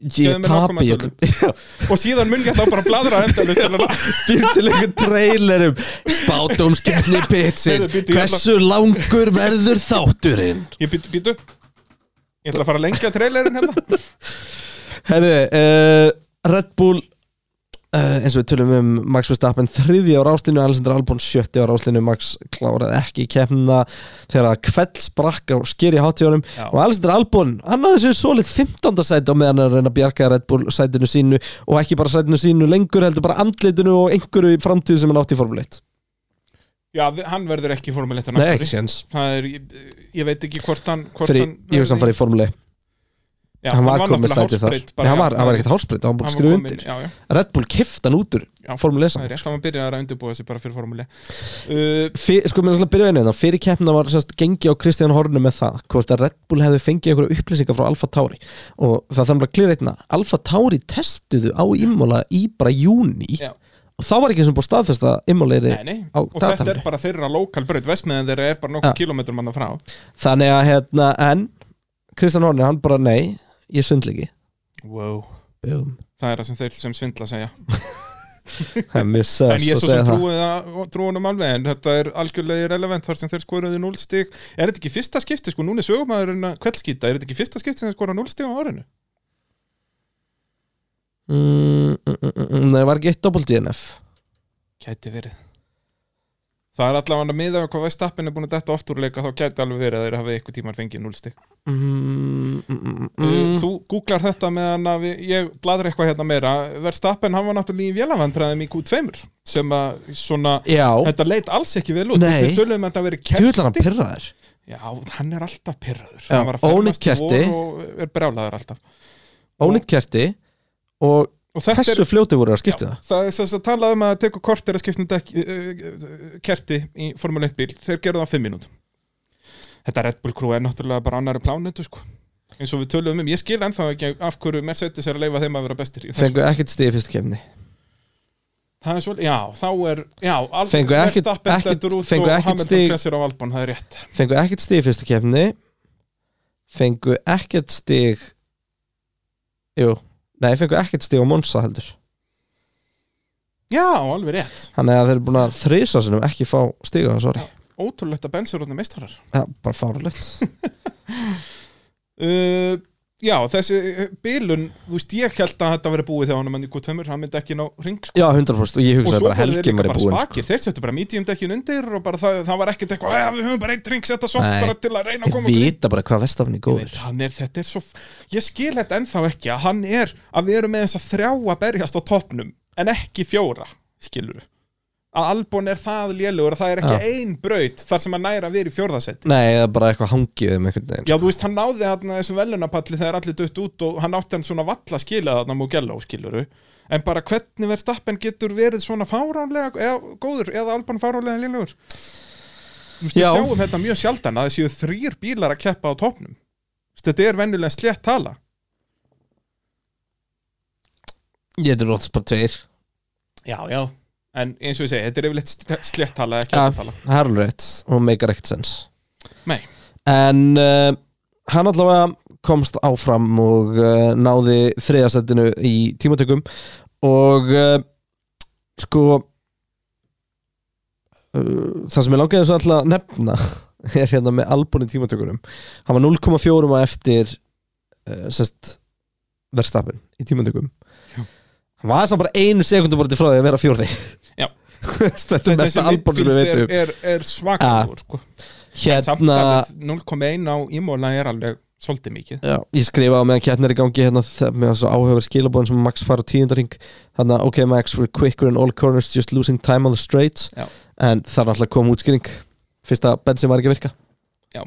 þannig að uh, það var það, Það var um, ekki- klárum, að, klárum að tala bara um verstafinn hann, þeir fara hann í öndurkötti og það á þurfiðlegt að ræða, hann kemst fram og bóttast á, á- hann eftir mistökunum honum á 43. ring Mhm. en á 51. ring springur uh, hægra aftdekkið djöfitt var þetta skeri Já, þetta var Ég hafa viðegandi að þetta var á Halloween Það var mjög skeri Hvernig fannst þér þessi? alveg umlugur Nei, hvað er þetta? Vá, hvað Þetta þetta var var- vond Nei, Kristján, af hverju er þetta breyta svona í mér Já, hér? ok, fyrir ekki, þetta er með best sem þú hefur gert Já, það, þetta er alveg top Ég 14 veit samt grín í ekki- dag ég veit samt ekki alveg hvort að það er hrós að segja þetta að vera með best sem þú hefur gert Eh? En, Já, en þú tekur jú, þetta er hérna fyrir Villeneuve Chicane Já. Og hvað Djöfitt gerist fannst mér þarna? gaman í þessu Villeneuve Chicane hvernig er ráðast inn í það og er að gýra niður að setni beigun og bremsa í gegnum hana Þetta er cool beigja, Þetta er þetta er geggjað. beigja sem sem ökumæður, þú svona mwah, þegar þú ferð, þú nærðin alveg fullkólega það er bara svona, úf, þú veist, þetta er Út af geggjað það, þú veist, venjulega eru bremsusvæði beinirkablar eða þess að þú vilt hafa bílinn beinan með úr að bremsa Þarna ertu að taka krappa beigju Já. og gýra niður og bremsa og bara, Geðveikt, sko. þetta er gúrmi En það er auðvitað skeri svona build up to it þannig að þú veist að finna út hvað þú mátt En fara það rætt er inn í líka hana beauty við kappakstur, gerir ég ráð fyrir Já, það er að finna þessa punta Já, að vera smeykur fyrir beigju en þá er það líka þúsund sinni meira reward þegar Já. það nærðin 100% um, Þannig að Verstapen bara gerði vel þú veist, hann hefði náttúrulega átt að komast fram og bóttast með okkur næðast að hann var hann hann var bara ekki Hann með var hraðan á komin fram beinugöfnum úr Bottas eða ekki? Miklu fyrr Já, já, en hvað gerðist? Af hverju sprengir hann? Ég er ekki búin að sjá neitt um það Er þetta, þú veist, fór hann á eitthvað, Hann hlýtur eitthvað að vera. karbon eða var þetta bara Þetta voru langt hördekk dæmi? sem var búin að vera á og þetta springur ekki í beigju, þetta springur undir bremsun sko. Já, og einmitt er ofan á kantinn, þú veist, hann er það mikið hæra Já. megin að að- þetta er pottið eitthvað svo leiðis Já, menn, það var- það voru snertingar þarna á fyrsta ring sko. Já, nákvæmlega Þannig að það er eitthvað Það þannig var karbon um alla braut þarna uh, já. þú veist, þeir töluðu um að sko Bottas pikkaði upp hennan ferrari hlut sko í sjööndu beigju þó að þetta hafi droppað að bílnum í annari beigju Já, bara, síðan bara búið að skoppa Já, með bara þeim búið að skoppa bara og náttúrulega fjúka þetta er náttúrulega fyrst létt og náttúrulega kjölsöðu á þessum bíl er svakalegt Ja. þetta fer bara þannig að já, það var allt út í karbon á þessari braut En þá uh, snúu okkur að Alex Albon já, Elsku- vinn okkar, eh, elsku vinn okkar kallinum. pits uh, bræðra Já um, Sko, Ertu, er Kristján Horner búin að heyri þér það? nei Nú hvað, farið ekki að klára tímabili með þeim? Er það bara 2021 sem að Vænta- Kristján Horner verður svona væntanlega. klítur að vera? Sko, Albon var að standa sig allt í læg framan af Þú veist, hann var Hann ekkert er búin að eitthvað standa sig allt ömurlegur í læg, allt helvítis Já. fokkin tímabilið En svo stóð hann sig ömurlega í safety car í stættinu Hann fer á mjúk dekk, er það ekki? Nei, hann er ennþá hörðdekkunum fyrir ekki Því ég er að sjá vídeo þetta á Carlos Sainz næstu í kera á hann Já. Svo voru geðum ekki viðbröð, by the way Svakaleg viðbröð en uh, hann nær sem sagt, missir tvo fram úr sér í startinu og spinnar svo og sko þetta var Algjörlega það sjálfur. lélegt að liði leta hann vita áður en hann gætt byrja að töða enginn eða kæft á hann Já, þetta er bara, já, já Þetta er bara búið, Hann er náttúrulega skilurðu. búinn sko að smíða eh, líkistuna sína fyrir mörgum keppnum síðan og núna er hann búinn að grafa sjálfan sig og jafnvel komin einhver fet neður hann í örðina núna sko Þessi gæi verður ekki formuleitt á næsta ári, það er 100% Alveg, sko, og klára keppni síðast sæti af þeim sem klára Já, 15. hellað sko Já, já, bara út af hann náttúrulega þurfti síðan að stoppa ný dekk, þú veist, hann var búinn að eðilegja dekkin og hann er bara með allt niður um sér blessaða drengur Ímyndaðu hvort er að hvað fara að taka væri- Peres eða Hulkeberg Ég, ég er búinn að nefna þetta áður, það væri betra fyrir það að taka Peres en þeir munum taka Hulkenberg Og En- við munum gera mikið grína Hulkenberg á næsta ári og hann er ekki nógu góð en hver kerir þá með Gastli hjá Alfa Tauri hann hérna Japanin eða hvað hann heitir Sonota en ef hann fær ekki Superlicense uh, sennilega þá bara kví nei þá myndum við að frekar taka uh, Albon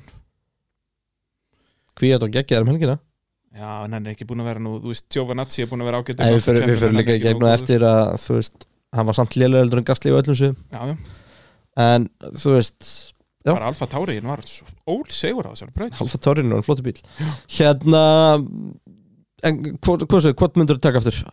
Peres eða Hulkeberg? Peres allan tíman Peres er miklu betur ökumæður hann síndi það alveg þegar þeir voru liðsfélagar Nei Jú. Nei, Ek, ekki miklu betri kannski en hann er betri ég vona þessi Hulkeberg já ég sem sagt mér finnst Hulkenberg vera overrated ég held að Peres muni vera vesen Já, þú veist, ég er bara að tala um þetta frá kapastusjónamið, það er alveg rétt og það, það er ástæðan fyrir að hann mun ekki fá þetta sæti út af hann er vesen, er það ekki? jú, 100% Hulkenberg hver er þetta sæti, það er þannig heldur það? Já, og þá verður þetta bara sama saman með Hulkenberg þú veist, eins og hann var búinn að vera þú veist, hann fekk eitthvað svona getur ekki rómantík- fengið rækoninu Red Bull Það verður geggjað þú veist, jamma Sko, bara eitthvað vodka Red Bull Hulkenberg fekk eitthvað svona rómans í kringum sem þarna, í Drive to Survive, hann væri aldrei búinn að lenda á palli og, og hann er alveg skemmt það var lengur komið rómans í kringu það Já, já, og, og svona, þú veist, eins og ég segi, það er alveg ástæða fyrir hann er ekki að palli, hann er bara ekki nógu góður. svo það er allavega valið pútur Það er bara, eins og, þú veist, ég fíla Hulkenberg, hann er skemmtilegur og allt, hann er bara ekki nógu góður ökumæður. Já, Og þú veist, þetta er náttúrulega búið að vera frábær tímabil hjá honum núna, hann er átt að stíða maður eftir Vettel í, í mótinu. það er þetta rétt Og, en, en þetta er bara feik, þetta er, hann er ekki svona góður. mér fannst Þetta eru- djúvill impressive Þetta hvernig eru hann hoppaði upp hérna. í hennan 5G-turtarnir sem er að brainwash okkur, hann er ekki svona góður. Ég held nefnilega ef að við myndum henda Albon aftur í Alfa Tauri Hann er geggjaður. Ég held alveg Já. Ég held að myndi bara taka Þetta gastur Red Bull eru bara að eyðileggja, ka- þú veist, ég, fyrirlin hjá ég held bara að þessi Red Bull bíl sé algjör ótemja Já, 100%. og bara verstafin er með eitthvað að taka hún verstafin er bara Ég, þetta er bara bilaður aukum Þetta er alveg eins og með Ferrari Leclerc og Verstappen eru með svo mikið konfidens að koma inn í beigurnar Bíllinn er alveg agalegur að koma inn í beigur hann er alltaf óstabíl, Mhm. en þeir eru bara þeir með höndla eitthvað svona svakaleg lausan aftur viðbröð Já, ég enda segi bara. það, þeir bara fíla þetta svo mikið að að við sjáum að, að enginn getur kert þessa bíla nema þeir og, og ef þeir myndu svinsa aftur Albon og Gastli að það það er þið kannski ekki jafn ykt og síðast en, en Albon er þið geggjaður á, Tóru, á uh, Alfa Tauri og, og Gastli er þið ekkert spes á rætt Ég er bleið ekki til svo að Albon myndi bara enda aftur hjá Alfa Tauri það væri ótrúlega gaman út að ég fíla Albon sem karakter Já, já, hann er skemmtlur Já, og bara svona ágætti soppstóri í kringum hann og allt þetta skilur og, og þú veist, ég- mér finnst agalegt að sjá hvernig Red Bull eru að eyðileggja fyrirlega, hey, Red Bull hann er náttúrulega líka alveg að gera þetta sjálfur, hann er ekki að gera sér neina Það er ekki greiða. að eiginlega fyrirlin fyrir honum sko Já, en, en eins og segi, þá bara En hann fær tækifæri rosalega rætt, já já, og er bara í á En í sko, ef þú þessum svakalega tala við bíl. eh, þess að gauðra uh, Leclerc, Russell, allir þess að dúta Árun album komin í formúluna þá sögðu þeir að hann verið svona mest underrated aukumæður sem við vissum en maður horfir á ferilinn hans fyrir að þetta er mjög mikið svona hann var alltaf í nokkur ári í hverri serju en endaði síðan á að vinna all, öll þessi nöfn sko Já, en var hann ekki samt í svona þannig stöðu hann var ekki endilega að ná heilum tímabilum út af fjármögn og eitthvað. eitthvað svo leiðis Já. það er þú Ætla- kannski research Mamma satt enda í fangelsi og Já, já, eitthvað, nákvæmlega eins og eitthvað sáum í fjárdráttur sem að Draugasögunni. hjálpaði honum og eitthvað. nákvæmlega Þannig að eins og Tón segir, einn- ég fíla hann þá er en eitt lýsulega minn sem þannig er það svo leiðis? eða áströkkur pappa segja enda í eitthvað fangelsi og tæpur bara eitthvað. Nei, bara fjárdrátt til að fjármagna kapparsfyl No joke já, já, menn, menn gera það sem þið vilja bara í þessu Jep, Ha. en Albon er bara Sorry, Hann er og bless. Já, ég væri mjög mikið til að sjá hann í Alfa Tæra já, já. ég fíla hann Ég meina, Ég gaf hann fullt að sjátum inn í byrjun Gasti alveg og fullt af Albon séns. væri geggja lið líka í Alfa Tauri það væri svakalett Já, við förum aðeins í gegnum það eftir Því að það er alveg umræða það Gastlinn alltaf skrifundi nýjan samning og svona En hérna, já, förum við með það á Alfa eftir. Tauri var alltaf bara geggjur um helgina heldur betur, við tölum núna með Renault Ættum er að tala um þá núna, en alltaf tala um Rino og núna er náttúrulega Renault komið í, í þriðasetti keppni bílasmiða, þannig að við tölum þá fyrst Bam. svakaleg keppnið, við erum að tala með þeirri í þriðasetti með 135 stig, svo kemur McLaren með 134 og svo Racing Point með 134, það er eitt stig millir þess að þryggja liða, að berjast um þriðja sæti, þetta er ekkert smá miklu peningar og bara, ég, og þetta verður alltaf tæpar og tæpar, ég talaði um síðast að þetta að það eru bara fjögur þegar að millið þeirra svo fyrir öryggisbílin núna, leitt þetta út fyrir hörði að maklarinn munu bara skora eitt eða tvö stygg þú veist, Racing Point er að fara að vera í góðum málum Runo að fara að vera í góðum málum svo snýrst þetta allt við og þeir fengu eiginlega bara akkurat rétt stygg til að gera þetta allt jafnt aftur Já, þetta er svo störluð baráta og ég er svo peppaður fyrir þessum slagin næstu, hvað er þetta, fjóra keppnir eftir það verður geðvitt Já. þetta er Tyrkland, Barin, Barin, Abu Dhabi heldur ekki að þessu var hann að sjá að- ennþá meira eftir Já, já, það er með hverju keppni sem er að meira eftir þessu En það ekki Jú, jú, 100% Sko, Rikki Ardó gerði bara geggjaða hluti allar keppna Hann Já. ræsi 50, klára þriðji uh, Tók ekki dekk í þessu síðasta safety car í stætti og lita ganga Og ég ætla aðeins að tala um það núna Já, Og ég ætla að tala um Peres í því samingi líka Því að Akkurat. Peres var náttúrulega leiðin að ná í sem fyrsta pall síðan hvað 2018 Var ekki á 2018 að hann var í Baku eða eitthvað hannig Með hérna frekar. stroll Já. og einhverjum, já Sko Já, ræðum þetta bara eins Já. bara, þe- Þetta atvik. Peres er, þetta er sérst Peres, Rækon, eh, Ríkjardó Hver var eftir Ríkjardó? Leclerc Já. Minni það Og Peres tekur dekk Já, Bottas og Hamilton taka báðdekk, þeir koma fyrstir Þeir taka báðdekk já, já, Peres tekur dekk, Ríkjard ákveður að hanga lengur Jep. uh, Peres var á eldri dekkjumildurinn hinnir mm um, Þetta er umlega svo erfitt kólana og þeir sögðu það eftir keppna sko Racing Point að þeir voru rosalega hissa að hi- allir hefði getið ekki dekk þeir áttu vonaði já Mér finnst þetta kólrung ákvörðin Þetta er það náttúrulega það er rosalega auðvöld kepptin hindsight Já, nei, sko, bíllinn sem er á eftir þér Hann mun alltaf gera anstæðan af það sem þú gerir Alltaf ekki svo viss Ok, en sem, sem sagt, skipilegjandi í þessu Áttu að gera ráð fyrir því að þeir gera annað en þú ja, Peres allavega Það er fyrir inn í fyrst- þriðasætinu Það- kemur sá sem út er annar í rauðinni, hann á alltaf að vera aggressorinn í þessu Já, það ég er ekki sammála sá því. sem er fyrstur Peres allavega fyrir inn í sko uh, hvað, sjöundasætinu nei í þriðasætinu og kemur út í sjöunda og klára sjötti Rikki Ardó, hann hangir úti ásamt uh, sem sagt ásamt um, bam bam bam var það alveg klerk Nei. uh, jú, ásamt leiklur Já. og en síðan kemur hann á móti kvíat sem tekur þetta og græði massíft að því sko. Já. þannig að þú veist, þetta er ekki alveg svona gefið fattar þau? nei, nei, og sko kannski ekki kritik á þetta heldur meira svona sem að fatta það eftir á sem hafði pottet gest að ef að Peres hefði ekki tekið dekk þá hefði ekki hægt mjög sennilega tekið dekk Ég er ekki viss, því að Rikki Ardó var með það mikið meira líf eftir í sínum Já, dekkjum gæti heldur en verið. Beres sko líka en sko En- ef hann hefði tekið dekk þá náttúrulega hefði alltaf ykkur komið að inn á milli sem hefði ekki tekið dekk og þá Allt hefði er hann verið en bara George Russell en Já. síðan er bara ætla ég að koma í næsta punkt og það er Georg Russell vinnur okkar Ætlar að fara að tala um hann núna, við erum bara í run Já Peres hefði ekki endað svona aftarlega ef að George Russell hefði ekki krassað á baka öryggisbíl algjörlega því að það náttúrulega lengir öryggisbílinn bara um ykkur fimm ringi sem að því er fimm færri ringir til að ná hita í dekkin og koma sér almennilega af stað fimm færri ringir sem að Rikki Ardó þarf að taka á sínum dekkjum ég held að þetta hefði ekki gengið á Rikki Ardó ef rössuleiki krassað Já, já, algjörlega Það er hár rétt þú veist, Ef- þá ef hann hefði hefði kvíat bara, fengið fleiri þá hefði hringi. kvíat bara tekið hann Sennilega svona ándjóks uh, hérna, Ég held það en það er náttúrulega það sem þessi öryggisbíl gerði eins og ég talaði um á hann að hann sneri þessu öllu svo skemmtilega og kvolfa að núna eru þessi þrjú lið alveg jöfn sem er dásamlegt Já. og, og hérna okkon uh, svekkjandi Já, bara bilað en hann er bara númer og lítill fyrir Richard og eitthvað lítið að tala um hann Mér finnst Já. okkur búin að vera með á þessu ári Já, mér líst nefnilega lítið á runa á næsta ári Heldur að Alonso verði ekki nóg snöggur eða?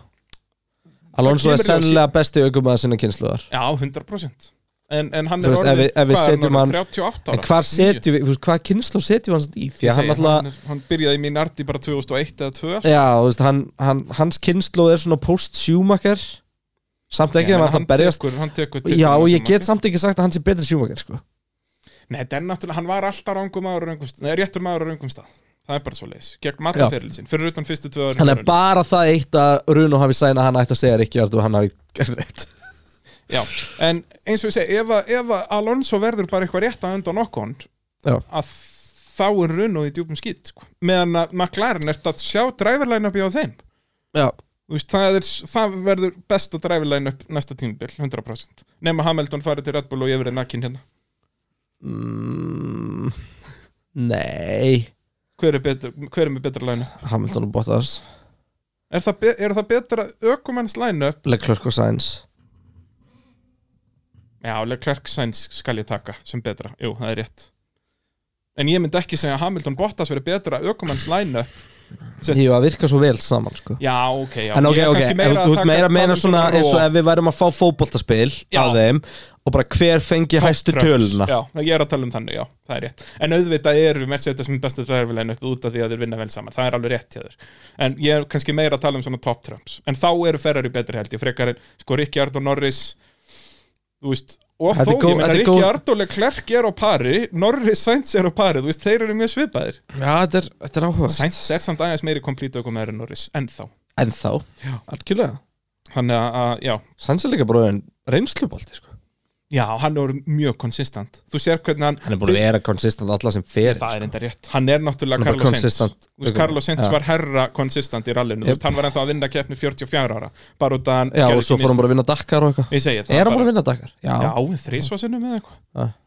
Og líka, þú veist, búin að Sankasa vinna leik. Dakar á 15 ára tímabilið eða eitthvað Hann vann fyrst sko 2008 eða 2009 eða eitthvað og vann svo aftur 2019 held Ég ég vil langa að vinna Dakar Förum ekki, að- tölum ekki einu sinni um það sko. Ef einhver vil sponsa pittin í Dakar Nei, vá, ég myndi ekki vilja hafa þig á kortinu Nei, nei, ég skal kera, það er ekkert andan Nei, það er ekki búið En voru ekki alltaf þrýr í drukkunum Jú, jú Hún getur verið þriðigurinn, hvað Það- gerir hann? Þeir, það komið tveir svona Dakar bíl til landsins hann gummisnúri kifti annað þeirra og hann kaupir hann með þremur sætum Hvað gerir þriðigurinn?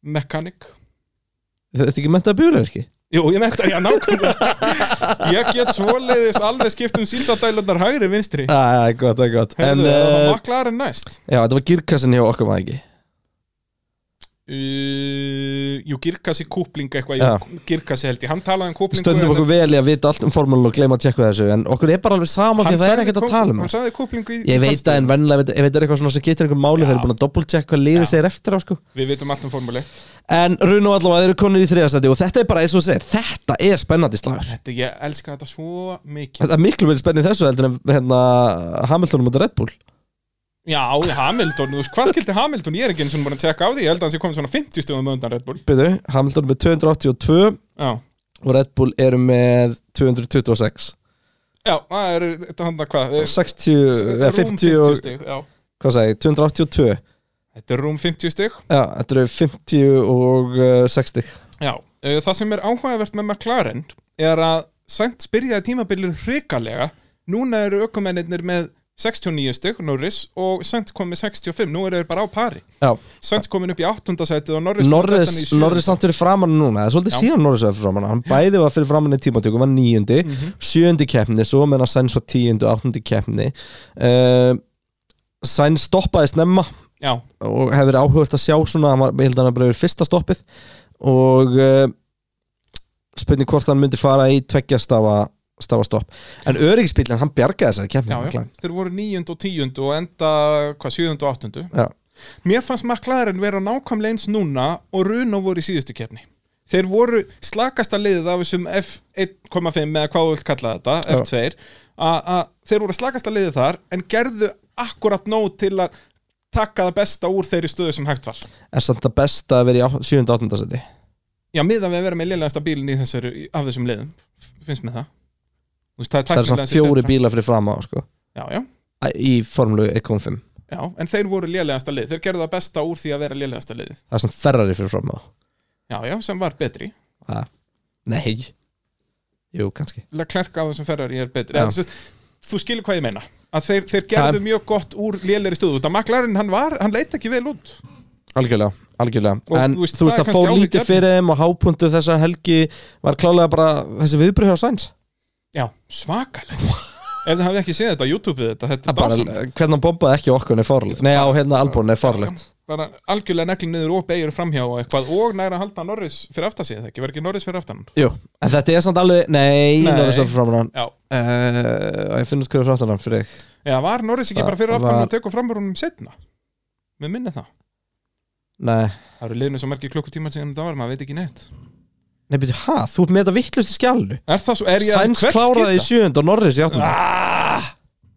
Þetta er alveg hárið rétt hjá, en Norris var beint á baku það Já, sorry með mig, ég er að kveldskýti í skjalið Þannig að þetta er bara ekkert í fyrst skipti í langan tíma sem að Norris klárar undan Já, og bara í Þú fyrsta lætur skipti okkur yfir líta út eins og sem að ég- fífl hérna. Ég veit, það. ég, ég, ég er farin Ég tek ekki þátt í þessu Þetta er bara rögg En uh, En eins og þú segir, þú veist, eins og varst að nefna hann og, og punkturinn hérna með að, að þetta er, það er svo mikilvægt að vera með tvo svona solid Já, ég, ég kom með þann punkt í, í skjælu okkar góða að, að hérna, þarna erum við að tala um þetta liðir ánefa með bestu ökumennina í þessari formúli 1.5 Ímyndaður ef McLaren væri með þú veist, Norris og Okkon að Okkon væri skilur, þeir eru báðir hérna með 69-65, sem sagt Norris og Sainz Ímyndaður ef Norris væri með 69 og Okkon með 30 Já. Þú veist, þá væru þeir ekki í þessu samtali eins og ef, ef þeir væru með stroll Þú veist, sem er, stroll er búin að eiga gó- góða keppni inn á milli en er ekki konsistant og þá væri hann þarna með einhver 30-40 stygg út af því að öll hinliðin eru með einn gæja sem er með 80 stygg sem er frábært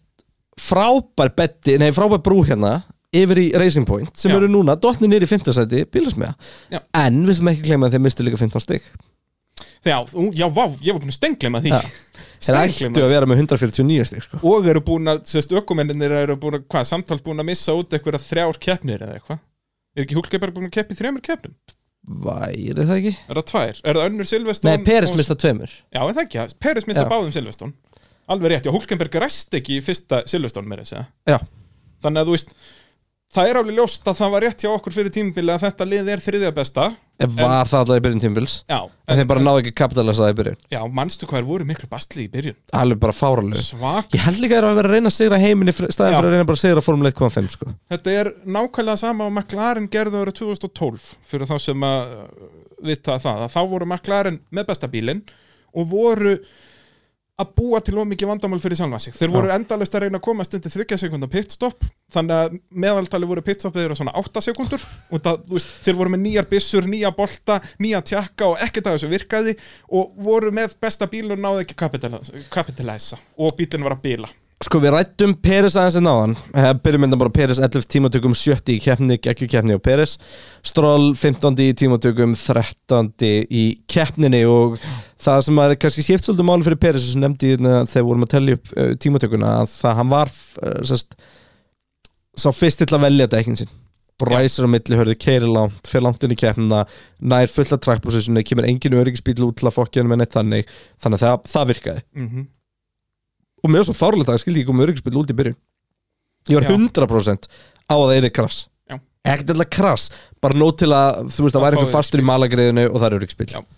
þú veist, út að þetta var líka alveg opposís svona klessubíla uh, akstur hérna, menn og voru aðeins rosa mikið af smásnestingum að- Já, og, en ekki nóg og til við að fá- nefndum það ekki, Albon náttúrulega tóknast í út kvíat þarna. Já, það er rétt, vá, tjúvill var það heimskulegt maður oh, hann er náttúrulega dásamlegur heldur betur og, en, Um, en hvað er að frétta með Racing Point? Af Já, hverju sko, voru byrjum- 11. Og, og, og 15. í tímatökum? bara liðleir, En það er þá, uh, já, áhugja efni þeir eru dottninir í fintasættu og, og eru já, býðum þetta Tyrklandi það, þú veist, Já. þeir ætti að vera en þú góður veist eins og Tyrklandi sko. Runo ættu síðan að vera bestir í, í hárhraða bara einn þeir hafa verið ólsegir í já, hárhraðan þess ætti líka að vera góður þar sko við tölum alltaf um það allt tímabili en það er bara ekki raun Nei, við bara höfum ekki hugmynd um hvað erum að segja Við í þessum vitum leik og- ekkert um En Formúlu málega það að í þessu 1,5 dæmi Þá er þetta ekki konsistent Ég veit það, það er það sem er svo dásamlegt við þetta Þannig að maður spyr sér sko, er það meira bara, þú veist, malbyggið og dekkin sem er að skipta máli? Og ég held líka bara ökumennir Þú veist, þarna er þetta virkilega bara um ökumanns reis bara hvernig minn er upplagðir og, og allt þetta Nei, fyrir að þeir eru oftast jafnlélir.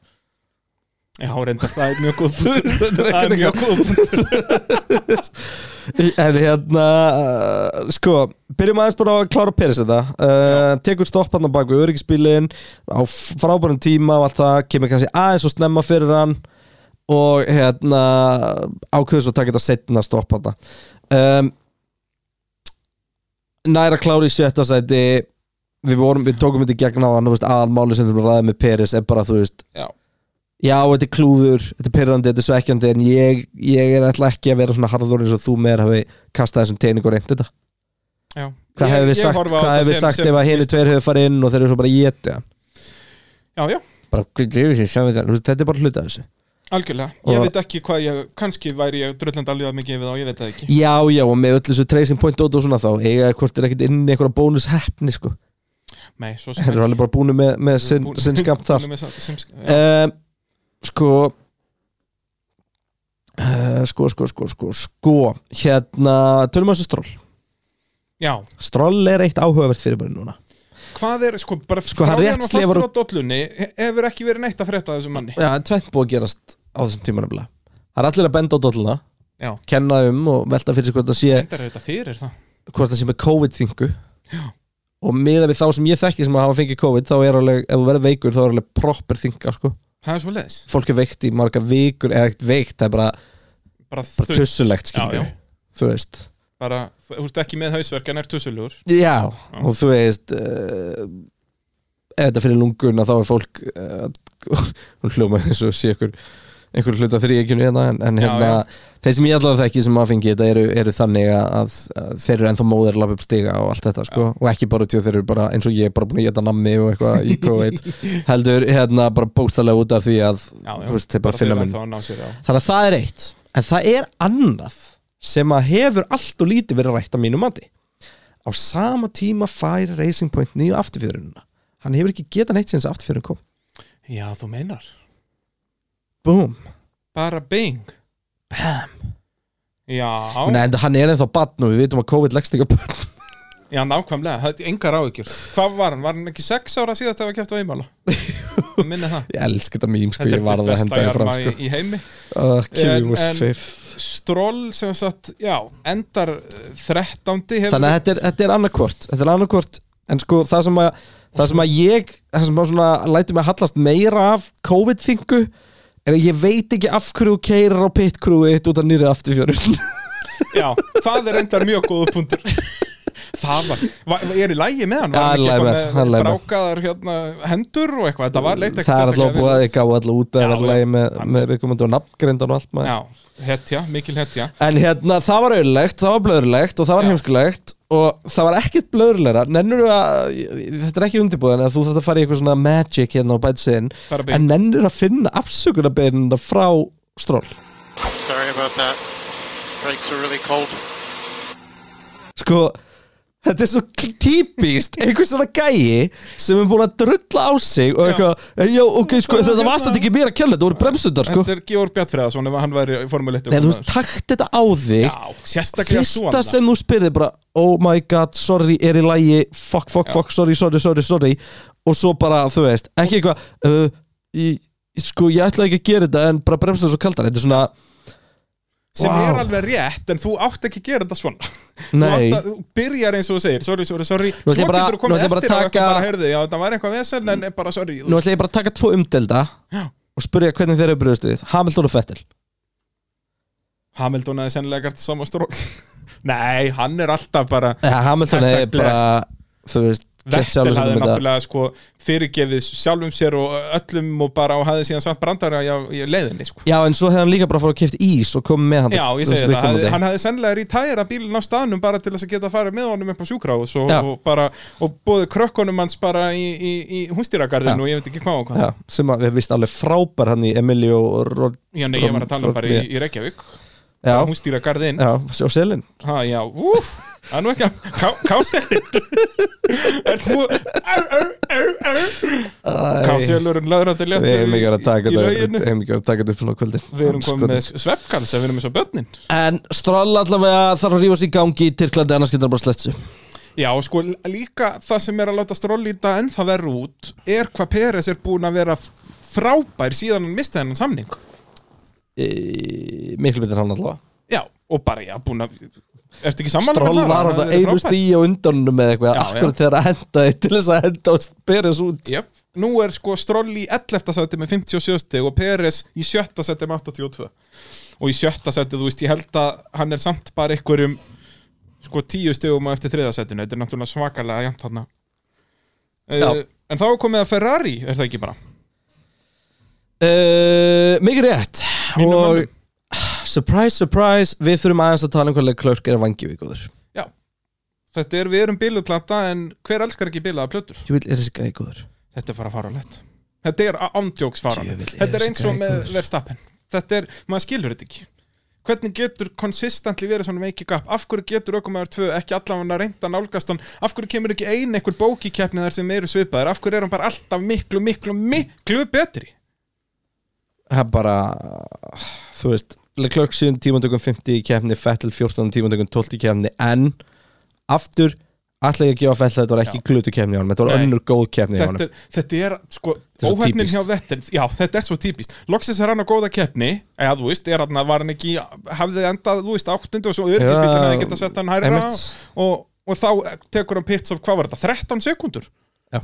bara krúið eitthvað, og þetta virtist vera tvö dekk sem eru komið ekki á Já, bílum Það var bæðum. fyrst- sérst, á, framan og aftan já, þetta var á hotnunum, þetta var vinstra aftan og hægra framan sem voru bara voru dekkin á hotnunum á bílum Getu, ég ætla að prófa hvort að eitthvað að tökunum virki Nei, það virkar ekki neitt nei þú sér það er ljósatökunum sem virka en það er greinlega búið að setja eitthvað nýtt inn og það er Já, ekki þú- þú að prófa þetta Nei, þetta ég, getur verið ég, eitthvað allt ég annað. þór ekki, ég þór ekki, ég ætla að gera njö, njö, njö, njö sem er a timeless classic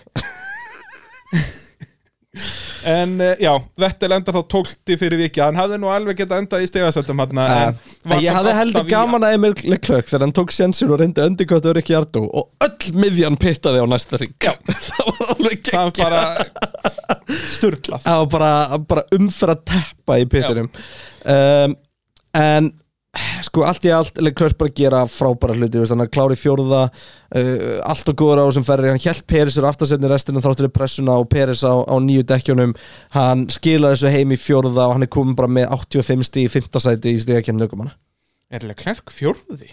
er ég aftur að kveldskita með, nei, var ekki kvíat fjórði? er hann ekki 50? já, það er 50 í skjælinu, Eh. Hann nú er er pressa 50. sko. ég geng út hann er ef ég gerði 50, önnur hann mistök er 50 já sagði ég fjórði? Já, þú segir klárar fjórði Já, sagðir þú það skrifaði þrisvar það. sinnum áðan. Skrifaði ég það? Já. Gleymdi þessu hann kláraði í fymta, Já. hann gera geggjaða hluti bara Já. þú veist, og hérna Og bara Og þvílíkt- ekki að ekta hrósunum nóg í rauninni nei, missi bara kvíat hann fram úr sér þegar hann á hann ofur ring þar sem hann fer fram úr náttúrulega Þessi albán þegar hann snýst framúrakstur. Peres og, og, og Leclerc og En hérna samt, þú veist, Leclerc er bara að halda ferrar í þessu sæti Út að núna þegar Alfa Tauri hafa verið geggjaður á Leclerc seinni er bara hluta að passa upp á tímabilsins. að Ferri fá okkur pening gefum okkur það hérna að Ferri væru, að- að að Leclerc væri með jafn mörg stig á Fettel það væri með 36 stig Já, þeir væru samt alltaf bara í sjöðunda já, það er þetta rétt, þeir myndu bara, þeir myndu bara með Salfa Tauri en þú Já. veist, En, en sem sagt, ef að Leclerc hafi bara verið average núna í síðustu bara setni hluta tímabilsins meðan Alfa Tauri hafi verið ólsegir það væri bara með 0 stig Al Alfa Tauri, nei ok, segjum að hann væri að næla sér alltaf í kannski 8, 7, 9 seti eitthvað svo leiðis Alfa Tauri væri búin að ná þeim, sko, núna eru Ferrari með 103 stig, þó alveg klærkur alltaf að komast í topp Veistum við 5 líka heldur ekki að gleyma því sko að Gasly datt út í dag í, e, í Í- dag á sundaginn Já. í hvað þriðasætti þriðja seti, hann hafði sennilega náð þriðja seti meðan Alfa Tauri, þú veist, þeir eru með 89 og mættu 103, Vi, við erum alltaf að tala um sko Alfa Tauri munaldir ná svona mörgum stigum á þeim, en Alfa Tauri er að ná þessum stigum, en Leclerc er bara að matsa það Já. Þú veist, þannig að þetta er alveg áhugaverið slagur þannig séð, út af hvað, þetta eru 14 stigum bara milli eitt þeirra. í NF á Leclerc og góð niðurstaði Já. hjá báðum hérna, út af Alfa Tauri hafa Tauri verið að sækja vel í sig veðrið sko.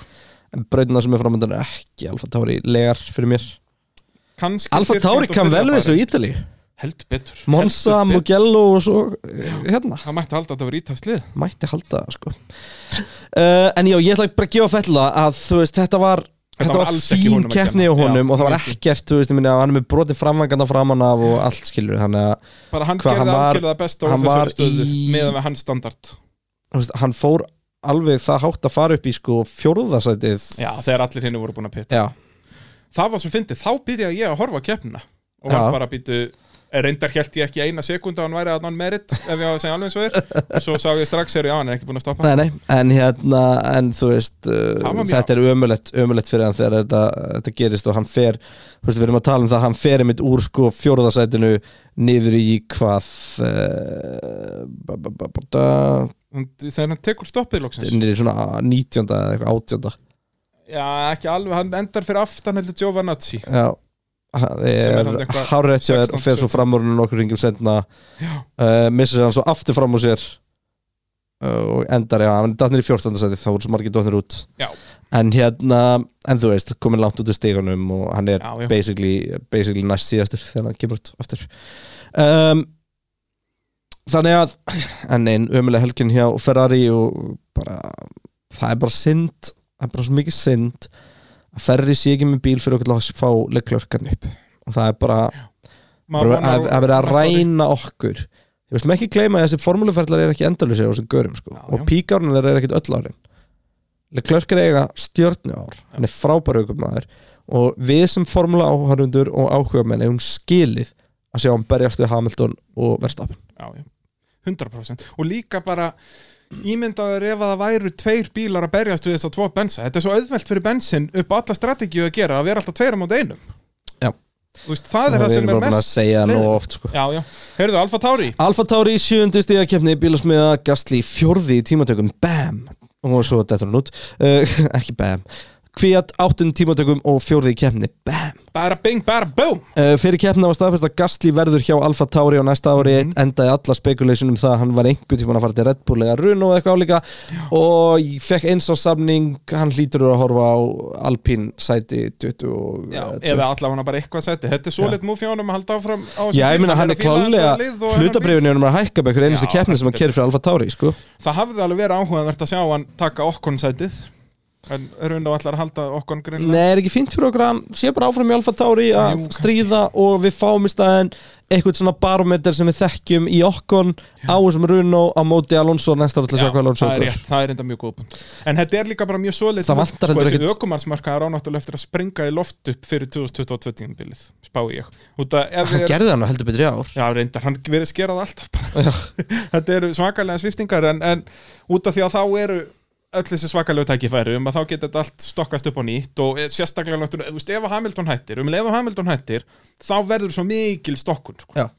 Út af því að þá Þá getur þarf alltaf að allt eins verið koma að maður í manns Verstappen stað. takki bara með setjasæti, sko geta alveg gæst sko og, og þá, þú veist, Þá þá allt í einu bara þarf að fylla Gasly, með þetta, mættur. svo- Já, og Gasly og þú veist, Albon þá fer saman þetta- í Red Bull. þá kemur þessi svakalega, uh, þessar sviftingar sko. Bæði var Gasly og Albon verið saman í Red Bull já, Ég- eins og ég segi, ég vil sjá það báða á, á Alfa Ja. Tauri um, Sko, eins og við tölum um á hann Alfa Tauri tók út þennan testdag eða svona filming day æ, í júni og immála og það skila sér heldur betur með bara þess að stutta æfingu okkar, því að Gasly var bara fjórið í tímatökunum já, og kvíat áttund og kvíat hefur ekki verið góður í Nei tíma og Kvíat var bara sekundabrið eftir í já, áttunda já, ég segi það, þetta bara þeir eru ólsegir Herru, Gasly átt svo besta startið eins og Bottas 4,45 sekundur í 200 km um, búm, Ehm, og hann var að pressa á Hamilton sko já, já, hann, á, algjörlega. hann var að geta Hamilton en Hamilton bara brautin bara beigir svona smá og þá er allt í neitt pláss og eitthvað þannig að hann fellur niður um tvö já, út að hann eru inni svona, já, aðeins og græður þannig að hann- hann, þú veist, hann var komin upp í þriðasætið fellur niður í að fymta basically um, en náttúrulega vandamálum byrja áður en hann kemur á gritið það kemur upp hann að lek í, í vaskerfinu hjá Já. þeim og þetta er sérst suða í vaskasannum sem að gefa sig og þeir reyna eitthvað að gera við þetta á grittinu ég veit nú ekki hvort þeir voru að reyna að sjóða þetta saman aftur ég bara reynlega tók ekki eftir því en, en það er sérst þessi suða sem að gefa sig og, og hann byrjar að leka vatni, vastþrýstingur fellur og þeir stoppa bílinn áður en hann eðalengu vélina ótrúlega svekkjandi og þetta var svona keppni sérst mistaka eða sérst ekki mistaka heldur fólk var bara, þetta var ósangjöf DNF, þú veist hjá öllum þessum gæjum fyrir utan ákveðin George Russell uh, annars, annars var þetta bara, já, og Magnussen kannski og Magnúsin kannski uh, uh, en sko en eins og þú hversu Verstappen, Ocon, leiðilegt fyrir, Gasly. fyrir Gasly þú veist, þetta var bara Út af þetta, og hann Alfa hafði svo Tauri 100% náðum sem þriðast já, þú veist, Alfa Tauri var bara svo góður líka ég veit það, geggjaður Hann var, hann var besti bíllinn í Formule 1.5 hann. Já.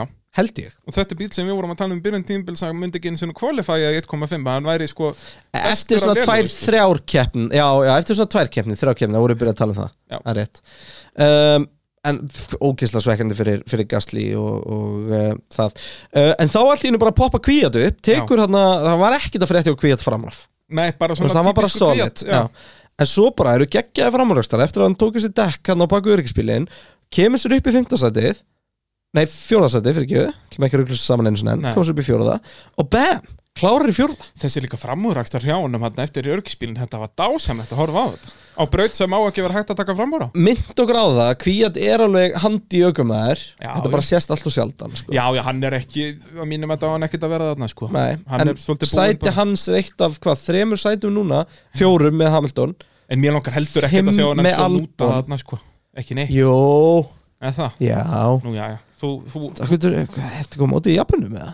nei, kannadamönnum Já, það er alveg kannan fyrir utan Jill Villeneuve, hann var dásamlegur og sjakk líka uh, á þann hátt að vera að fá þetta Sjakk, sko það er mjög áhugavert ef við tökum pínu dítúr, hvernig ferillina Sjakk Villeneuve byrjaði nákvæmlega eins og ferillina Solveig Samhildón Þeir eru báðir bestu rúkjart í nokkuð tíman byrjaði í Formule 1 Það er sérst 96 byrja Villeneuve, vinnur keppni það ár og er bara sensational Svo verður hann meistar árið eftir, alveg eins og Hamilton gerir Vinnur keppni fyrsta tímbili En maður svo bara glemti Meistari. Sjakk Vilnu að vinna 6 heimhjónur til viðbútt Nei, sko, síðan sem sagt, verða þeir báði meistar aðna á öðru tímabilinu sínu halda áfram í sama liði sem þeir eru Villeneuve í Williams og Hamilton í McLaren liðin verða léleg Vil- Williams get ekki neitt, Villeneuve feltur áfram hjá þeim, svo eftir ykkur 2-3 tímabil gefst hann upp og fer í annað lið alveg eins og Hamilton gerði. Eina vandamáli er Villeneuve fór til bar Sem en- var, er liðið sem, Sem er. Hamilton er í dag Já, þetta er mjög mikla samstæðar þarna, nema bara bar voru ekki alveg nógu góðir hann Nei. árið 99-2000 Hondamóturum aldrei nógur Nei, ekki til að byrja með en, sem Nei, sagt- hann var það aldrei og það var ástæðan fyrir að þeir púluðu út á endanum og liðið var að Mercedes Já. Og Brón var mestari að síndu hvað bílum var geggjaður Þannig Já að- og þeir náttúrulega stoppi, já já, þetta var allavega dítúr uh, dagsins, takk fyrir mig já, þetta var ekki fyrst í túruninu dag Ó nei, En allavega, þú veist, hví að það var magnaður þess að kemna Núna er komin upp fyrir Fettil í mótinu Og hérna og, alveg velu fyrir hann, hann er með 26 stig og Vettel hvað var hann með 18 Já, og og Vettel sko... sko ekki skora stig bara ég veit Nei, ekki hversu lengi. fæll greið En uh, Alfa Tauri er bara spennandi og ég meina þú veist, þetta er ekki sæti sem Gasly voru ósáttu með Nei, enga veginn En þetta er náttúrulega ekki stórt sæti, þetta er ekki stórt peningasæti Nei, en já, já, já mér, mér finnst þetta alltaf einkennilegt í, í íþróttum að, að, jú, ég vissulega skipta peningar máli en, en sérstaklega þegar þú ert á þessum aldri finnst mér skipta meira máli að gera það besta fyrir fyrirliðin sko. Já, það er Sem, rétt þú veist, En þetta er að besta verið fyrir hans akkurat núna því hann er ekki Já. farin eitt upp Nei og það væri, hvað myndi skemma fyrir honum að fara til Red Bull, skilur Já. Og fyrir utan það er Hann Red þarf Bull bara, vilja hann þarf bara að koma sér frá Red Bull Algjörlega Svo var Ef hann hann með hefði átt- Arton ef Senna hann hefði- trippjútálm, hann var töff Ef að hann hefði átt þetta ári fyrra Þá, sérst, ef, að- ef að Eða fettlega verið ári lengur Var ekki til þess að Gasly var að fara til Ferrari Já, nákvæmlega fyrir þannig að þetta myndi vilja vera með tvo frakka þóttalega klöks í Mónukó, það er svona frakki sko. Já, já Og já, Gastli, er hann ekki svo far aukumæður tímabilsins bara? Kanski á eftir ekki Arto Og náttúrulega Hamilton er ekkert búin að vera lélegur sko, ökum að tímabilsins nei, fyrir Við mér er kannski- það við- eilalega klörk sko. Við förum kannski yfir þetta bara, í- gerum sér þátt eftir tímabil með svona Ferum við þessa pælingar já, potið, en, en hérna við munum líka hafa leið sex vikur sem við þurfum að fylla með ein- einhverju út í að það er svo stuttumæl Já, tímabila býttu sögust En- þetta hot brallans getur alveg leikandi farið í einn og halvan tíma sko. það er rétt, engar ágjörna því það er rétt, ég hef engar ágjörði Nei, ekki nokkur einust um, sko Gasly er upp þér, já, hann er svona Hann er í topp þremur, fjórum Já. ökumenn tímabilsins Ég myndi segja þetta er, þetta er Leclerc, þetta er Gasly Vestapen, nei, Ricciardo, já, Hamilton og svo ég er ekki að segja nei við verstafin út af því að Nei, nei, ég skil það er komið bara ekki, þú veist, hann er búin að vinna hvað eina kefni, tvær Já, hann á eina. bíl sem á ekki að geta unnið hvað, hann vann Silveston, Já, hann var og- ekki búin að vinna þetta annað Jú, en Vann hann ekki enn í viðbót okkur vákvæð, dottir út um mér, Já, þetta er allt farið í Thomas Já, Deck sko, líka heldur betur, Klukkan er orðin maður. bara seint og ég er orðin sefjaður maður sjá verstafin, nei, hann er bara búin að vinna eina ekki, Er það? Gæti verið Já, Monsa hann vann- náttúrulega fór allir steik Já, Monsa fór allir steig, hann vann bara 70 Já, það er ára rétt. amaliskapasturinn og er sem búin úr öðru sæti Já, ég var Ungurlandi, bara að rifja upp Bretlandi, sko keppnirnar sem Spáni Mercedes unnu ekki Þú veist, ég horfði á þetta frá þeim, þeim sjónarhóttni Já. Og þá náttúrulega út að Monsa fór allir í, í þvælu og þá er hann ekki þar Já, nei, hann hérna hann verður ekki klára keppni í ár nema velnaballi Hann er alltaf bara í þriðasetti, þetta er ekki flókið, það er stundum er hann annar Mm, hann er múin oftar annar en þri Aha, má hvað bótt þessi lélur hann er með 5 önnur sæti Eitt, tvö, hann er með 3 þriði sæti Og þá svona, fyrst við ætlum að að tala um Alfa Tauri og, og Verstappen og þá ekki bara hætta þeirri vitleysu og fara að tala um Alfa Romeo Herru, bam, stiga báða Já, í fyrsta skipta af þessu kemnistímubili og sko Kimi Rækonen úr átjónda sæti á ráslinu nýjunda í keppni Giovanici og 20. ráslinu í tíundu keppni og, Jep. og Rækonen bara okkar maður sko, hann bara og var samt ótrúlega óheppin hann fer inn í pitt, held ég einu með tveimur ringjum áður en öryggisbílinn, þú veist, hann Já. var að bara spila öryggisbíla leikinn, hann Já. var að nuta á handunum Bara bíða, bara einmitt. býða og býða og býða og svo loksins að ég gefst upp á þessu svo einum hring, hérna, setna kemur öryggisbílinn og samt nær hann hérna nýjönda sæti sem er fyrir keppna komur náttúrulega samt uh, ótrúlega fréttur um að bæði Rækonen og Já. Giovanici verið áfram þvæla það er ekki rækon, rækon er maður ég vil sjá hann hérna 58 ára Já, eftir, eftir 18 saman ára að því og, og, og eftir, eftir 16 ára mér er þessi Eh, Giovanazzi á ekki verið Formule 1 hann er ekki nú góður tíminn sem að Kimi náði í Q3 hefði dugað hann um upp í Q2 ef að hérna hann hefði ekki Já, farið voru tímar samt ekki að vestna minni það í Já. tímatökum en sko hann fór utan brautar Þetta er talað, Alveg það var, rétt. það var tekin á hann tími og var að rífast um það í svona góðar fimm minútur það eftir. skildi ekki neitt Nei, hann skildi aldrei en neitt svona. þetta er sko ekki, tölum aðeins um þetta þetta, þetta er eitt sem ég þól ekki við Formule 1 að svona allt sem að dómarar þurfa að gera þú veist, þarna á bara að vera gras eða möl sem að hægir á keppendum þetta er nákvæmlega samanur gerðið með sausage curve Þarna samt krassar ef þú ferð út á græs sko. það er flott maður En sko, veist hvað ég myndi vilja hafa? Ég myndi vilja hafa aðra línu hinum einn Þú veist, miða við hægri dekkin þá já Já. Og bara ef þú ferð yfir þetta þá er þetta refsing punktur Bara ef þú snertir þessa línu þá er þetta refsing Svo Bara bara gera mynda þetta vel augljósara, Svo já, bara þessi mynda vel körf eftir náttúrulega Bara svona er allir- marklínutækni já, það er rétt, Þú þetta er mjög veist. góða punktur Og þá er þetta ekkert Þá er- spurning já, ég segi það, þá- Ökumarinn finnur þá bara fyrir að hann fór yfir þetta sko. og hérna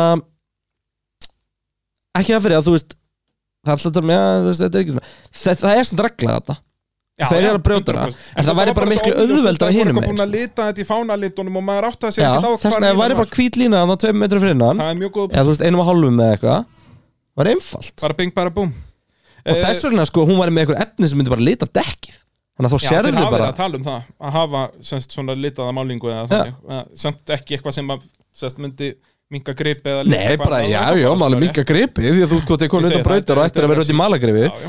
en þú veist, bara kemur svona smá hvítur eigur eða eitthvað það væri sniðut, það var bara, ei, gamli rétt, bara bing, má ekki Það er en svolítið Kimi svoleiðis. Rækonin allavega var bara svona solidly að vinna þessu upp í kefni það er Alfa Romeo núna Gerð- komið átta stig í, í keppni bíla já, og búin að gulltryggja sér sitt sæti myndi ég segja áttunda sendið, gulltryggja áttunda sæti með átt stygg en það er uh, svo leiðis Kimi var, eins og segir, síðast að stoppa óheppin en, en bara solid kapastur í alfórum með og hefum báðum og Giovanazzi enn og aftur, hann heldur 100% rekordinu sína að bæta sig um sæti á fyrsta ring, þetta er magnað já, 13. keppn á tímbilinu, Það er alltaf alveg rétt. hefur hann tekið fram úr á fyrsta ring og hann var fyrstu til að stoppa á 11. Já, 11. ring, það er það hlýtur að vera eitthvað skemmt gæti verið já. trú ekki öðru sko Hann hlý- Hvað byrjaði hann á soft eða? Hann hlýtur eiginlega að vera Eh, Þannig að skipta henni Nei, nei, glugga. ekkert verið allt og- Það er öllum sama á hvaða dekkjum Antonio Giovinazzi byrjaði Hann byrjaði á soft Emilia Romagna kappasturinn Hann byrjaði á soft Hann byrjaði á soft Bara bein, já,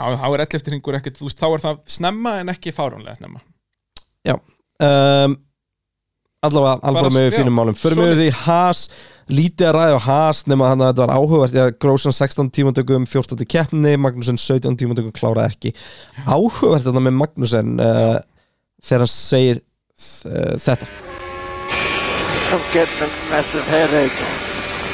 All these subjects. It's like a kick in the head every time. Okay, Kevin, understood, understood. Sko ég veit ekki hvort að það, hann var að fá haus og hvort ég var eitthvað skrítið í gangi með gírskiptingarnar eða hvort hann var bara þunnur með hausverk, lítill í sér og þá Hann- voru það- það- gírskiptingar danskir vondar dagar, sko En sko, mér fannst einhvern veginn samt eins og þeir var að sína þetta og náttúrulega síndar endalösa skiptingar þarna í framhaldi, svo að væri það svolítið klöngi, sko. Já, og það kom að daginn, þetta var bilað girkassi Já. Það er hérna, Þannig að það var bara að vera að sparki hann í hvert skipti maður skipti gýr. já Sko, nú hefur þú nú kert kapastusbíl Þetta er, sko, með þetta í fullkomni lægi er þetta nú ekkert sérstaklega þægilegt Það er svolítið spark. Þetta er náttúrulega sequential kassar Þetta eru sérst bein tannhjóli í þessu en ekki Það er svo rosalega fljótt að skipti gýr, sko. Já, já En jú, jú, en, þú veist. og, og sérstaklega það kom meira tóg í vélarnar þá er þetta ennþá meira spar Já. og, og síðan þá með þetta svona bilað að- eins og sko, hann ef þú var bara gerir að þetta ekki drepast 100% rétt Já.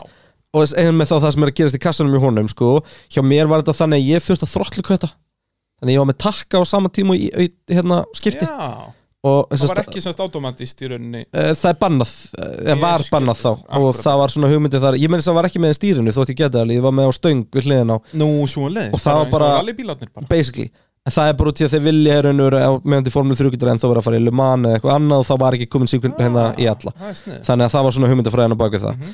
en hérna þróttkvötar og hittir ekki almennilega þá var það alveg svona bonk þú veist, Já. kom alveg svona högg sko.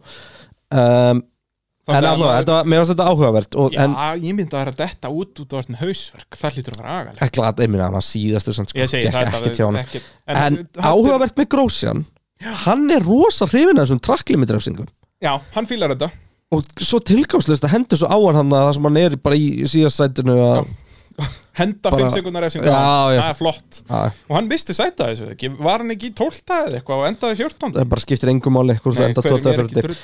hann ætla að fara ykkur á Keim- já, Eitt bara með K-Mag Hann er búin að detta oftast út árið 2020 Fyrir þá sem að vilja endilega vita það Já, og kannski fyrst við erum nú búin að taka þetta allt svona uh, Haas náttúrulega með tvö auðsæti fyrir næsta ár Er þetta ekki Já. alltaf að fara að enda sem Mazepin og Schumacher?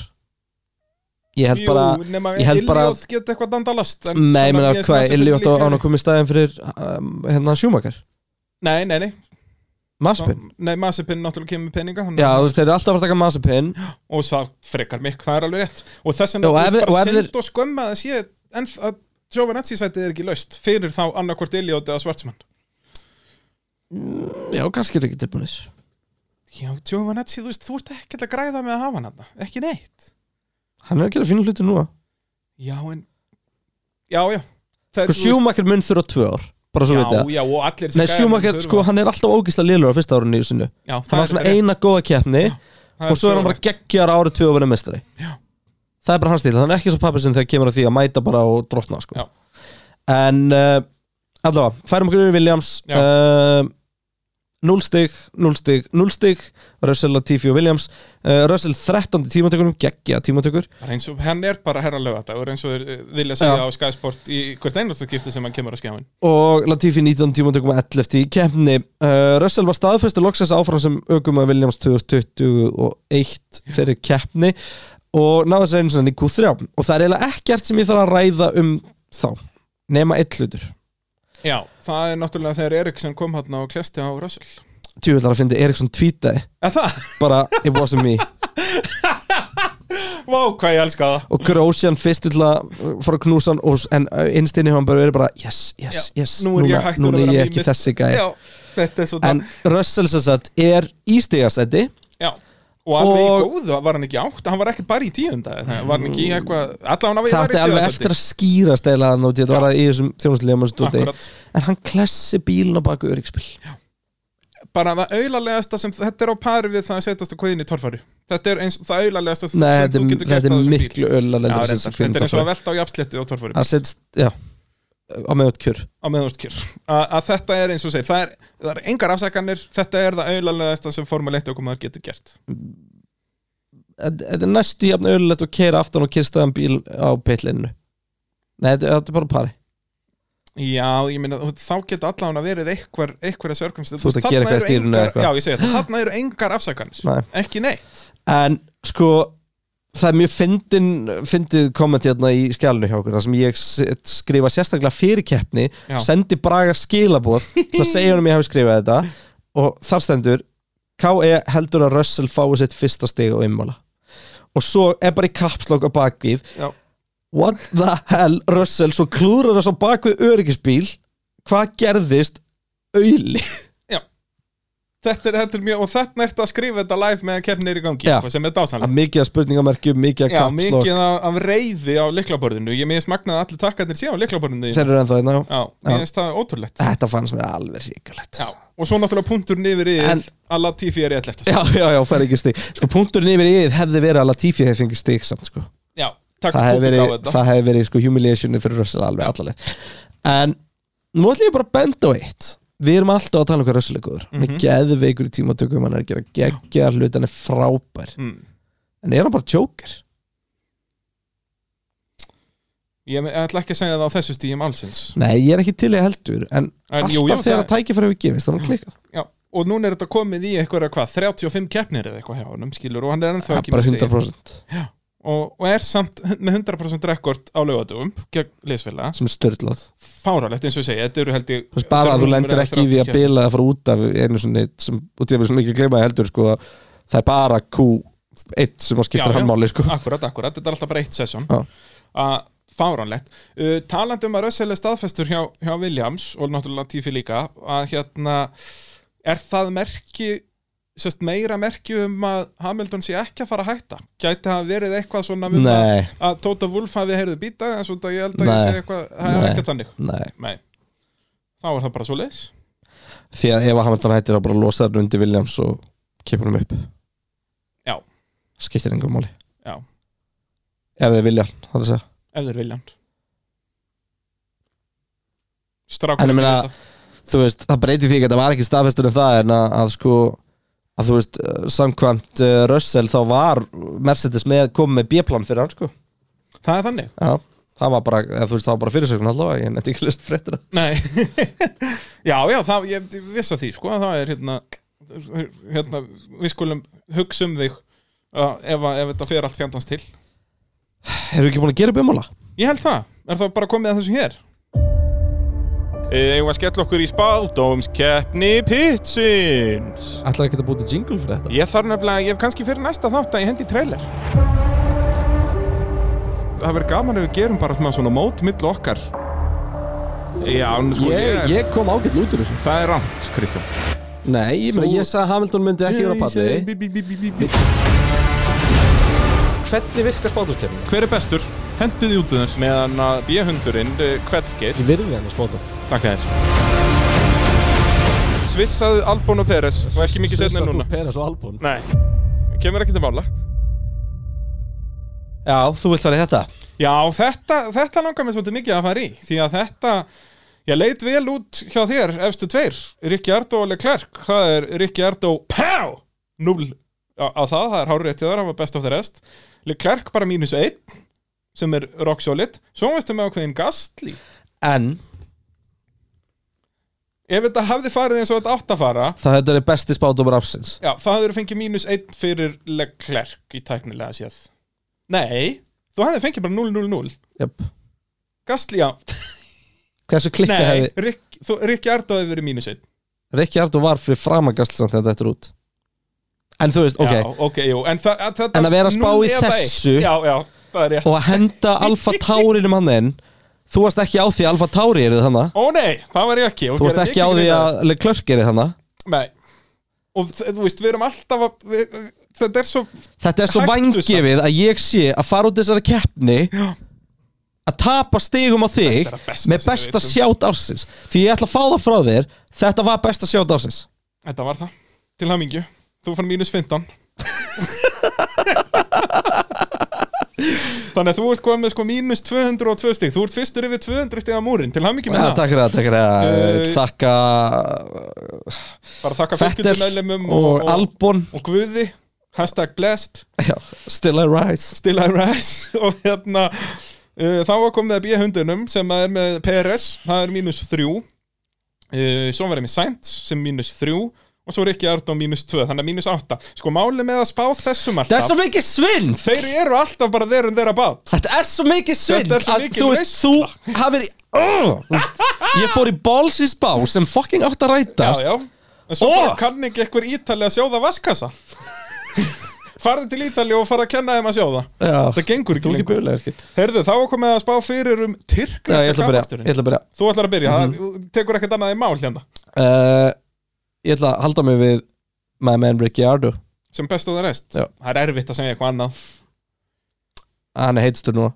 já, ég segi, þú veist, eins og ég segi, það er Tyrkland er hröð já, hvernig er, kannski á oh, mm, vinstri, vinstri, vinstri Fílar vinstri, það, ég hata þetta í tölvuleikjum sko Ég hata Já, þessa beygju. tölvuleikjum, ég vil ekki ímyndaði hvað hálsöðan er á Já, svo fyrir þú utan veist, það Hatta, en hún er bara svo flott Hún verður svo klikku á þessum bílum Hún verður svo auðveld, en hún verður svo hröð ég, ég elska þessa braut svo mikið bara, Þetta er geggjuð braut, Það voru alltaf sko. geggjaði Já. keppið Það er fullt af Það stöðum er til að hæð- taka fram Hæða úr. mismunur í henni, það eru hraðabegjur, það eru hægabegjur Stór Fullt af bremsusvæði. löngu be- beinuköflum Já, Þannig að hérna það er bæði hann í fyrstu beigju og fyrir hann Já. næst síðasta eða sem síðasta beigjukompleksið, Já. langur beigkaflega sem Weber og Vettel gerðu gott málum Akkurat og bara já, frábær braut, þetta verður snild en Geggjubraut, er, sem sagt, en- karakteristik er þetta sem sagt, hröðbraut Þetta er rosa mersedislega braut sko já, en það er, þá er þetta bara að lýsa Formule 1 braut, það Já. er allar mersidislegar nú til dags, Já, en þú veist, þetta er svona Þetta er, Þú veist, hvernig Danforce pakka erum við að fara að vinna með það ég hugsa þessi svona Silveston Já, það er alveg svoleiðis. Silveston eitthvað Þannig að þá hljótar unna ofir all segir Ég vil Það held hafi það, verið það í, í á þessum ég vil held það Ok, Ríkjard og gott sjátjáður Hver ertu með þarna í, í anda, öðru sæti Ég held að Peres rífis í gang Rífi sig í gang, hann er bara í, í Hann er í gangi, hann þarf ekki að rífa sig í gang Ég held að hann rífis í gang Já Það er líka bleiku bensarnir í hröðu og eitthvað Og eins og þessi, McLarenin hefur verið lélegur í síðustu Já, kemur taldu það allir þetta Norris það- síðan. Það ætlar að hafa Norris á undan sæns Já.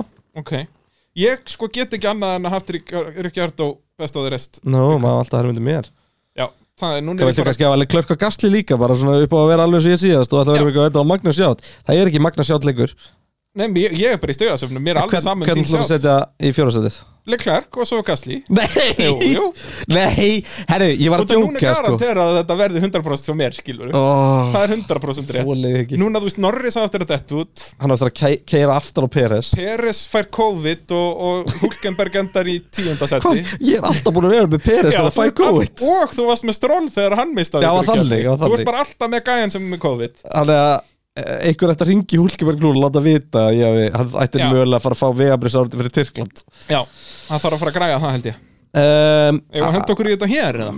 Nei, Nú? við ætlum fyrst að ræða um leitt Ég er nefnilega, Bítu, bítu, ég var tilbúin á trailertakkanum ég er nefnilega hef smá um að greinum ræði Ok, Hvernig verður tekið á móti frökkunum í Tyrklandi? hvað ertu komin í einhverja pólitík? Nei, minna það er bara Þú veist Ég held að það verði ekkert næs að vera gastli í Tyrklandi Sko nú er ég eh, Sko ég fekk ekki mokkan í síðustu viku Nei, það er sérst búin að tvær hriðvirka ára sér í, í Fraklandi og búið að lýsa við stríði að segja að frakkar séu réttræpir í einhverju svona auka trúar eitthvað Já, frábært hriðvirka ára sér og, og ég Já, bara, ég, það, það er svo sem þá kannski ekki stemming En þeir eru náttúrulega bara í sinni búblu þarna Ég myndi ekki, ekki... Já. Þú myndir alltaf hafa ágjur að þessu samt Þetta er alltaf inni Já. baka fyrir hett sko. Þetta er gott, góða punktur það ég bara Manni líst ekkert á þetta væri ekkert brjálæðislega hress að vera að fara á okkar sko. Nei, nei, nei. en já, fyrir mjög til hér Spyrjið pittin Hver er tilgangur lífsins? Spyrjið okkur Facebook.com Skástrygg pitturinn Hvernig fór þessi formúli einlega? Er ekki allur orðinu þreyttir á þessum Hamilton? Var hann að klára bensínu sig? Hvernig verða ferrar í góðir? Við höfum svörin Við vitum allt um Formúlu 1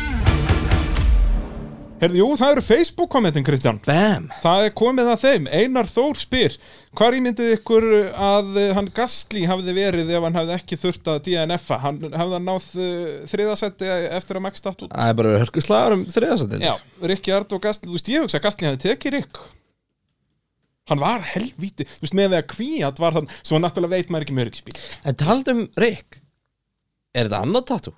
Er þetta Nei. hinn raskæðin? hann, hann tók það skipt fram að að- eða réttar að sagt, kom Cyril sérstaklega á hann um heyrðu, þú far bara eitt tattúin Það var ógæðislega fyndi komment frá Ricky Ardó og blagamannafyndinum eftir á Það voru allir að spyrja Hamilton og Bottas út í teilin og hvernig allt fór úr skeiðis og bla bla og Ricky Ardó bara svona allir ekki að spyrja mig leilu Út af því að Já, ég- hann vildi bara þegar- tala um sjúin Já, og því Þískalandi var hann bara spurður um af hvað hann gerði ekki sjúi og Já. hvar tattoo þetta vera Þú veist. og svo náttúrulega núna eins og hann sagði að blaðamenn fundi fyrir einhverjum árum sko, these are some weird bastards over here út að þeir vilja alltaf fara að drekka úr skonnum hans sko, Og Ah, Hamilton bara. Hamilton gerði það bara já, hann er, sko, er, Hefur hann ekkert gert það áður? Nei, nei, núna sko bara reif hann hægri skóin á honum og heldi lykku við sjálfur í skóin sko. honum langaði svo mikið í þetta, hann var greinilega eitthvað þistur blessaður uh, Ah, Blessaður. Hörður spyr stról og COVID, er þetta að hafa áhrif á hann fórum svolítið yfir þetta á hann Fórum hann yfir er þetta á ekki hann. búin að vera svo sami eftir smitt en Hann, náttúrulega, við vitum allavega að hann er COVID-i hann er COVID-i Ná, hvað, þetta er gott orð mm, Ég veit Þetta er það alveg í topp 23 af orðum sem ég hef hýrt í dag Já, að Takk. hérna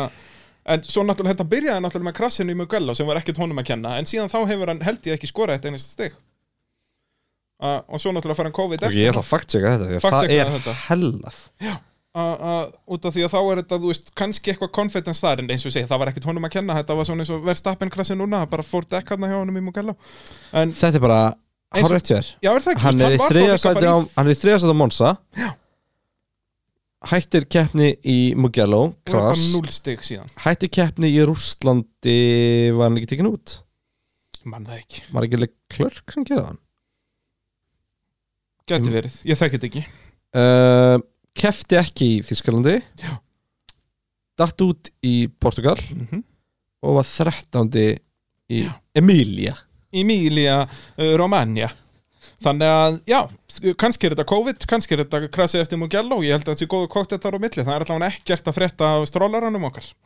Uh, Ágúst Bjarni spyr, uh, af hverju maður Lewis breyta pitstoplannu en ekki Bottas? Hvað voru þeir að brasa með stólinn hans Lewis á grittinu fyrir keppni? Byrjum á, á Lewis og Bottas. Uh, það er vegna þess að Lewis Hamilton er uh, sexfaldur verðandi sjöfaldur heimsastari og Bottas er kjáni með yfirvaraskegg. Ég held að Lewis hafa ekkert breytt nýju pitstopi Nei, svo sem ekki, þetta leit þannig út. Þú veist það veldi Og- ekki gleyma því sko að Lewis Hamilton var ekkert bara í keppni við Bottas um sigurinn, hann var í keppni við Verstafinu sigurinn sko. og þú veist eins og í þessu tilfelli vissu þeir að Bottas var með bilaðan bíl og allt þetta og Þeir þú veist, voru þetta bara eru maksima þess að mismunandi- keppni hans Hamilton þetta er ekki eins, mér ekki gleyma því sko í þau skipti sem að Bottas er að byggja um þessar breytingar þá er hann búin að tapa keppninu á móti Hamilton Já. Það var ekki þannig hann sko. nei, nei. og bara hann vildi halda sér úti og hann var að bang in fast laps uh, left right and center eins og þeir segja á góður íslensku Kera dækin ah. það var frábært Herri, var þetta stólinn? Vi- Vitum Ég við veit eitthvað um ekkert, það? nei, ég veit ekkert um við vitum það. Ég- ekkert um formúli Ég, ég fyrsta lagi e, mista af upphyrninni Þannig ég sá þetta ekki einu bara sinni. sofandi Eh, Nei, ég var að koma til afa já, Það horfum með honum svoleiðis vera laurandi léttur Já. með afa Fórum ég og junior og Ó. horfum með afa En hérna eh, Nei, ég hérna Ég Þannig hún bara mistar missti af uppbytunni, þessu, já. Uh, Örn Bræði spyr uh, hvað var undir framvagnum að spottast? Það var náttúrulega, við fórum yfir þetta á hann að það er Það var fyrsta, fyrsti hluturinn á ferri til að lenda á velunapalli frá fættil Heldur betur. Og Nei, þetta hann var í lenda raun ekki ekki- velunapalli, var tekið úr Já, það er enda rétt, það var tekið úr eins og við talaðum um áðan, hann endaði ekki vel Ja, Ah, Þetta var endplitið á framannum held ég og Ah, alveg þetta var í rauninni ekki held ég alveg undir framvegn, þetta var meira í bartsportinu Já, þarna. eða bara verið einhvern veginn svona fikar sér svona, Já, fyrst er þannig að kannski. skríða úr annari beigju sjöund og getur Já. alveg að skríða með Þetta, frá mér finnst svo, ma- þetta er Á svo Halloween, mikil fyrst þú vilt nú óheppni. halda því þarna. Já, hú, grín hjá bíuhundi uh, En svo þetta er svo mögnað óhefni hjá honum Hvernig, út af, bara þetta gerist ekki sko. uh, Daniel spyr uh, Var ímóla síðasta keppna Albans fyrir, fyrir Red Bull og hvað veldur því að dekk hvert springi svona eins og hjá Max aðskotahlutur eða galli Við höldum að þetta sé aðskotahlutur en gæti líka verið galli í dekkinu frekar aðskotahlutur og jú, eh, sem sagt, nei, þetta var ekki síðasta keppna Alban fyrir Red Bull, hann mun klára tímabilið er ég alveg nokkuð um. vissum sko uh, það var, þetta, þetta gaf engan fyrirbúða bæði Horner og uh, verstafinn er búin að segja það Me- me- þannig að dekkið hjá eh, Verstappen já, þannig að þeir halda að þetta sé, og ég get bara ég skal bara þýða hérna orðið frá frétt sem að viðtal við Kristján Horner bara frá í dag uh, við höldum að hann hafi kert á einhvers konar uh, brak því að hann var með þess að tala við engineerinu sinn þegar þetta gerist sko. Já, svoleiðis það var nú áhugavert radio Já, ég að grafa það upp veit ekki hvort það finnst ef við getum tjekka það Tjökkum að því en uh, ef svo er þá kemur hann hér Okay, Max, just so you aware, Hamilton been told to push. They'd like the safety of a safety car pit stop window over you, currently two seconds away from that. Cool. We're off. Yeah, something broke on the car. Okay. Yeah. It's a right rear tyre failure. já, uh, En, hvað er en það spurning? Albon, þú veist, þetta var ekki Þetta er ekki síðasta keppnin hans með Red Bull Hann mun klára tímabilið sko mér þetta er margt vittlisur heldur en að henda bara Hulkenberg strax í bílinu Já, og það já. vera með hann sko, Ég- en ég þeir er náttúrulega eru bara ekki sammála Mhm. um búin að semja við gæja fyrir næsta þar ekki okkur vitund allavega og uh, já Ég held að hann klári tímabilið Ég held að það sé eiginlega ekkert hversu mikið verri dýl væri Magnúsin heldur en Hulkenberg eða Peris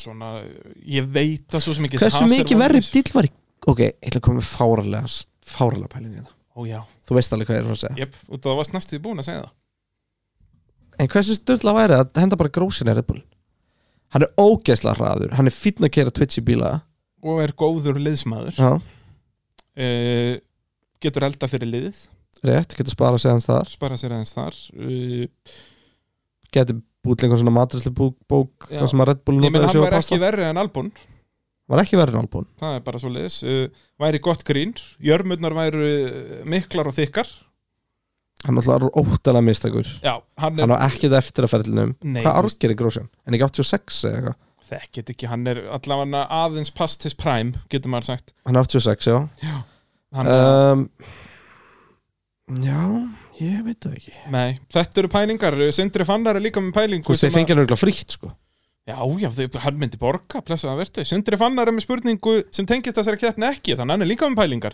Hún langar að fá útsendingu, eh, út, út, útsendingu, nei ég skil ekki það, hún langar að fá útskýringu á speed trap í keppnum. Hann Kristján. skrifaði ekkert útsendingu Nei, nei, ég veit það, ég, ég kann ekki að lesa. Á ég útskýrði það Já. uh, Speed traps eru bara hraðamælingar uh, sem eru á fyrirfram ákveðnum stöðum Þannig að brautir gefa út uh, speed traps fyrirfram Mhm. Það er alltaf allavega ein, það er yfirleitt á ráslínni Er þetta ekki Um, um, svona tvær, þrjár? Það er yfirleitt svona þrjár Já. Jú, En nú er ég bara að tala um það brautir yfir höfuð Mm -hmm. og þetta er, í, þetta er bara official timing speed traps Já. þannig að uh, þetta er bara svona fyrir okkur að vita samburinn á hraða á beinumkvömmur Og náttúrulega fyrir liðin að vita líka, þetta er bara upplýsingar, basically. ég liði vita, það Já. er mikið pjastata þannig að hérna Uh, já, en það er, svoleiðis- það er speedrap það er bara svona basically löggan að mæla á einu staði í brautinni alltaf alla bíla þegar komum fram já. Akkurat. Uh, önnur skemmtileg pæling, uh, hvað eru þeir að gera í pitstoppunum þegar þeir fara með borfélarnar á framvængina? Hvað eru þeir að Um, skrúa og hvað eru sem þeir eru sem sagt þeir að eru taka mikið að þessi gera. já, þeir eru sem sagt að taka þessi klikk sem við erum að tala um þar sem að þeir eru að b- bæta vang eða minka vangin á bílunum Sest, og Brattan sem á sagt, væng. já, þetta snýstinast um það er raunur hversu flatur eða hallandan er því meira hallandan sem hann er, því meira downforspyrjan til því meira flatur sem hann er, því minna downforspyrjan til Já. og þeir eru að breyta ótrúlega litlu með hverju kliki og þetta snýst allt um balans þetta snýst um að finna balans sem milli aftur og framenda og ástæðan fyrir að breyta í getur verið allt frá því bara að þú veist þeir eru að fara yfir á millihörudekkin og þá vilja það eins og þessi balans mm vindáttin getur verið að breytast hitastíð getur að breytast, það er bara ótrúlega margt eða bara hreinlega þú veist aukumann vill fá eitthvað aðeins þessi stillingu þannig að það er það sem er að gera ekstra mikið sko þegar að sem sagt, refueling var, þeir gáttu fyllt á bensín Já, þeir voru að þeir gera hefur bara bílinn ligguð í þyngri. tíma til að skipta um bara sveifar á svona Já, í pitstopinu og þá var það líka sem sagt, miklu mikilvægur út á að varst að þingja bíl Já. eða varst með ekstra léttan eða, þú veist, og þá þurftur virkilega að vera að Ska breyta sem Mhm. þessu. auka 40 kíló aftan Akkurat, og, og eins og talar um þessi balans og þetta er bara eitthvað sem góðir ökum en vita, þeir þekki, heyrðu nú er næðan svo vindistyrur, ég ætla að fá aðeins mér í danfars og framann, þú veist, og þá er þetta bara fært þeir get ekki stilt afturvængin í keppnum þannig ef hann er of planta, eða sérst, ef hann er of lausað aftan þá leysaður hann bara framann líka, eða ekki Jú, svo er ekkert mörg ár sinni máttu mannstu breyta framvagnum bara inn á bíl Já, er það svoleiðis? Já, og það er slatti af kappaspilum sem er með það og hefur verið með það okay. Ok. ekki tíðina Ég Gast vissi farið það einhver fjögur klikk eða eitthvað fram og tilbaka sko. Ok, En svo var það dæmt sem aktiv er og bannað já, og skiljanlega Sindri fann að vill svo líka bara fá meira svona tech-tök frá Kristjánu og það er hérna sammálunum eins og fjöðrunapælingarnar með Hasi síðast, þetta var dásamlegt Bæm.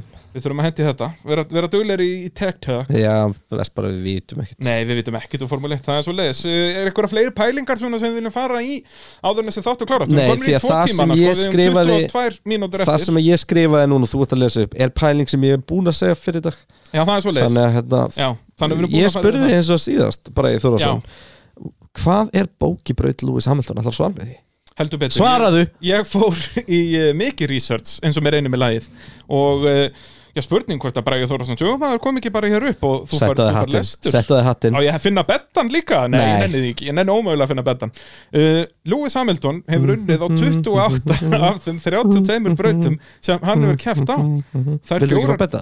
ja, þetta er geggjaða betti, haldur sá fram Þú voru að gera þetta hans lagra, svo heyrist í mér Það er fjórar brautir sem honum, honum hefur ekki tekist að vinna á er Magni Kors í Fraklandi Geggjubraut. í, Inland, í Indlandi Valencia á Spáni Ömjölu braut og svo alþjóðlega kóreska brautin í eh, sem var Suður-Kóreu. einhver geggjubraut og ég Já. væri til þess að kappast það í dag hún, það var bara keftar í Hún er ykkur svo þrjú ár eða skrítin. eitthvað. mjög einkennileg Já, var ég ekki búin að segja söguna með gistir í minnar? Jú. Já, þá þurfum ekki að fara í þáttur Nei, þetta var eh, eins og og bara allur þessi sirkus í kringum þetta, þetta var fáralegt Bernie Ecclestone að vera Ok, þannig að við erum að tala um að hann er aldrei unni á Magníkor, hann er ekki kæft önni lengur Hann er aldrei unni á Indlandskapastunum, það er ekki kæft önni lengur Hann er aldrei unni á Valencia, það er ekki kæft önni lengur og ekki heldur í kóru Já. Þetta er allt brautir sem að kæft á á þeim tíma sem að Mercedes var ekki öringuður Já, uh, hann náði þó velunapalli á öllum þessum brautum fyrir utan Indland Þannig að segja má að bókibrautin hans er sem Var ekki bara Captain. kæft tvísvarsin í Indlandi eða eitthvað? Ég held þrísvar Var- Náðu þið þrjusvar? uh, Býtu, ég held að, jú, öll þrjú Hamilton kefti á brautin í öll þrjú árin sem að þar var keft frá uh, 2011 til 2013 Hann ræsti þriðju 2012 en endaði fjóruði sem reyndist hann uh, besti árangur þær í landi Þannig að náði velunapalli á öllum þessum löndum en síðan bara fjóruða setti þarna Þannig að þetta er, þetta er bókibrautin hans uh, Það er en, bútt en sest, það má segja að hann eigi enga bókibraut af þeim brautum sem er ennþá keft á í dag þar sem hann hefur unnið á þeim öllum en þá er þetta að fara í statistics Ok, sem að er ok. mitt uppáhald og eins og í Malasíu þar hefur hann keft ja, ég ætla að byrja á hinum endanum nú vitið að Malasíu er bókibrautin hans, þetta er skellur uh, sem hann átti samt að vinna á árunni hann að Já, með þegar hann Rósbergur tapaði meistari titlinum, Já, akkurat. tap- hann tapaði tillum þar yep. uh, Azerbaijan, þar hefur hann keft þrísvar og unnið einu sinni bara 33%. einu sinni því snupp Já, Bottas er alltaf segur þar sko og, og Belgia en keft við byrju, 14 byrju, sinnum af byrju, Belgíu. byrju, það er stoppað þú ert ekki núna að taka þetta frá bestu breytina sem eru vestu þetta eru bara topp átta verstu breytina sem búin með hana Já, já, Já, ok, Það er, sem sagt, ég er með, með lista yfir vestubrautinnar hans og, og byrjaði neðst á þeim lista Uh, Belgia keft 14 sinnum, bara unnið fjóru sinnum bara unnið fjóru sinnum, já þvílík bókibraut þannig að það er 28% vinningsreitt þar, Austuríki er með 25% barinn sem við leiðis Mónako keft 13 sinnum unnið þrísvar það er 23% Tyrkland, það er nú verið keft á henni hann hefur keft þar 5 sinnum, og bara unnið einu sinni það er bara 20% vinningsreitt vákvæðan er ljölegur Og Brasilía, það er líka pínu áhugavert Það er um keft 13 sinnum og bara unnið tvist já, það er svona braut sem hefur alltaf ekkert endilega henda Mercedes Já, sko. akkurat og, og það er hann í 15 og það er náttúrulega að finna með Mercedes að þannig eru þeir yfirleitt hættir að hanna bílið sinn og bara eru að fókusa bara á næsta ára það eru búinir að vinna allt Já. að þá verða hinn er yfirleitt góðir rigning ofta svona Já, og svo er Malasía þar eru 11 skiptið hefur hann keft og bara unnið einu sinni þannig að það er 9% eh, sko það vinningsreit sem kemur svo dóvart en því ég spöði þannig er svolítið langt sér að Malaysia datt út en það er alveg svona jafn mikil Mercedes breytu ég geti hugsað mér Já, sko. og það var ennþá keftar hvað, tu- var 2016 síðast árið þegar hann tapaði titlinum þar kannski 17 líka, ég mann það bara ekki það var búið að færa hann skilur í endan á tímbilinu, það var alltaf bara þrumur eldingar mm -hmm. og brautið voru að floti og allt í steg en semst, já, bara 9% vinningsrið þar, þannig að af þeim brautum já, það er náttúrulega ekki keftar lengur, þannig að af þeim brautum sem er keft á, er í venjulegu tímabili núna, er Brasilia þar sem hann er með 15% vinningsrið þannig að er það bókibraut, veit ekki með það Brasilíu og Monaco Brasilia og Monaco þannig að- að það Já, er mitt og Bahrain. detail að, já, ma- það er mitt dítil að svara yfir hvað er bókibraut Lewis Hamilton vonandi svaraði þetta spurningunni mér finnst það mjög skemmtilegt brei þakka þér bara mjög skemmtilegt erum við þá ekki bara að þakka fyrir okkur? Hörðu við náum ekki 2.22 ég, á ég að syngja lag Þú núna ert- síðustu mínútinar Æ, ég er full trúar Ég er full Nei, það trúar hef ég ekki. Náum náum tveim tveim tímunum Ég held að það sé bara fín byrjum bara, Við erum í tveimur, það er 2.05 erum við komnir í Eh, Nú, já, já, það, er Ég gott. spáði bara 2.22 já Ég spáði tveimur 06 Segir maður eitt Það skaltu tala í 40 sekundir viðbátt Þú verður að kveðja hlustendur á 40 sekundum Reyndar, Þetta- nei, ég er að ljúa út að við erum náttúrulega sko, með, með, með alls konar auka trailerum að drastli að þá er þetta byggla miklu lengra Já, já. já. okkar Já, já, og þú fyrir að býða Þú fyrir að nýja trailer eftir á Já, já. Herri, það er engin formúlu næstu helgi Við verðum eins og í Tyrklandi 15. november Og uh, já, ég hlaka bara til Skemmtileg braut, mjög áhugaverð Og uh, hellingshraði heldur betur eh, Pitturinn kveður að sinni Og uh, já, hvað hlaka nú bara til að heyra frá okkur aftur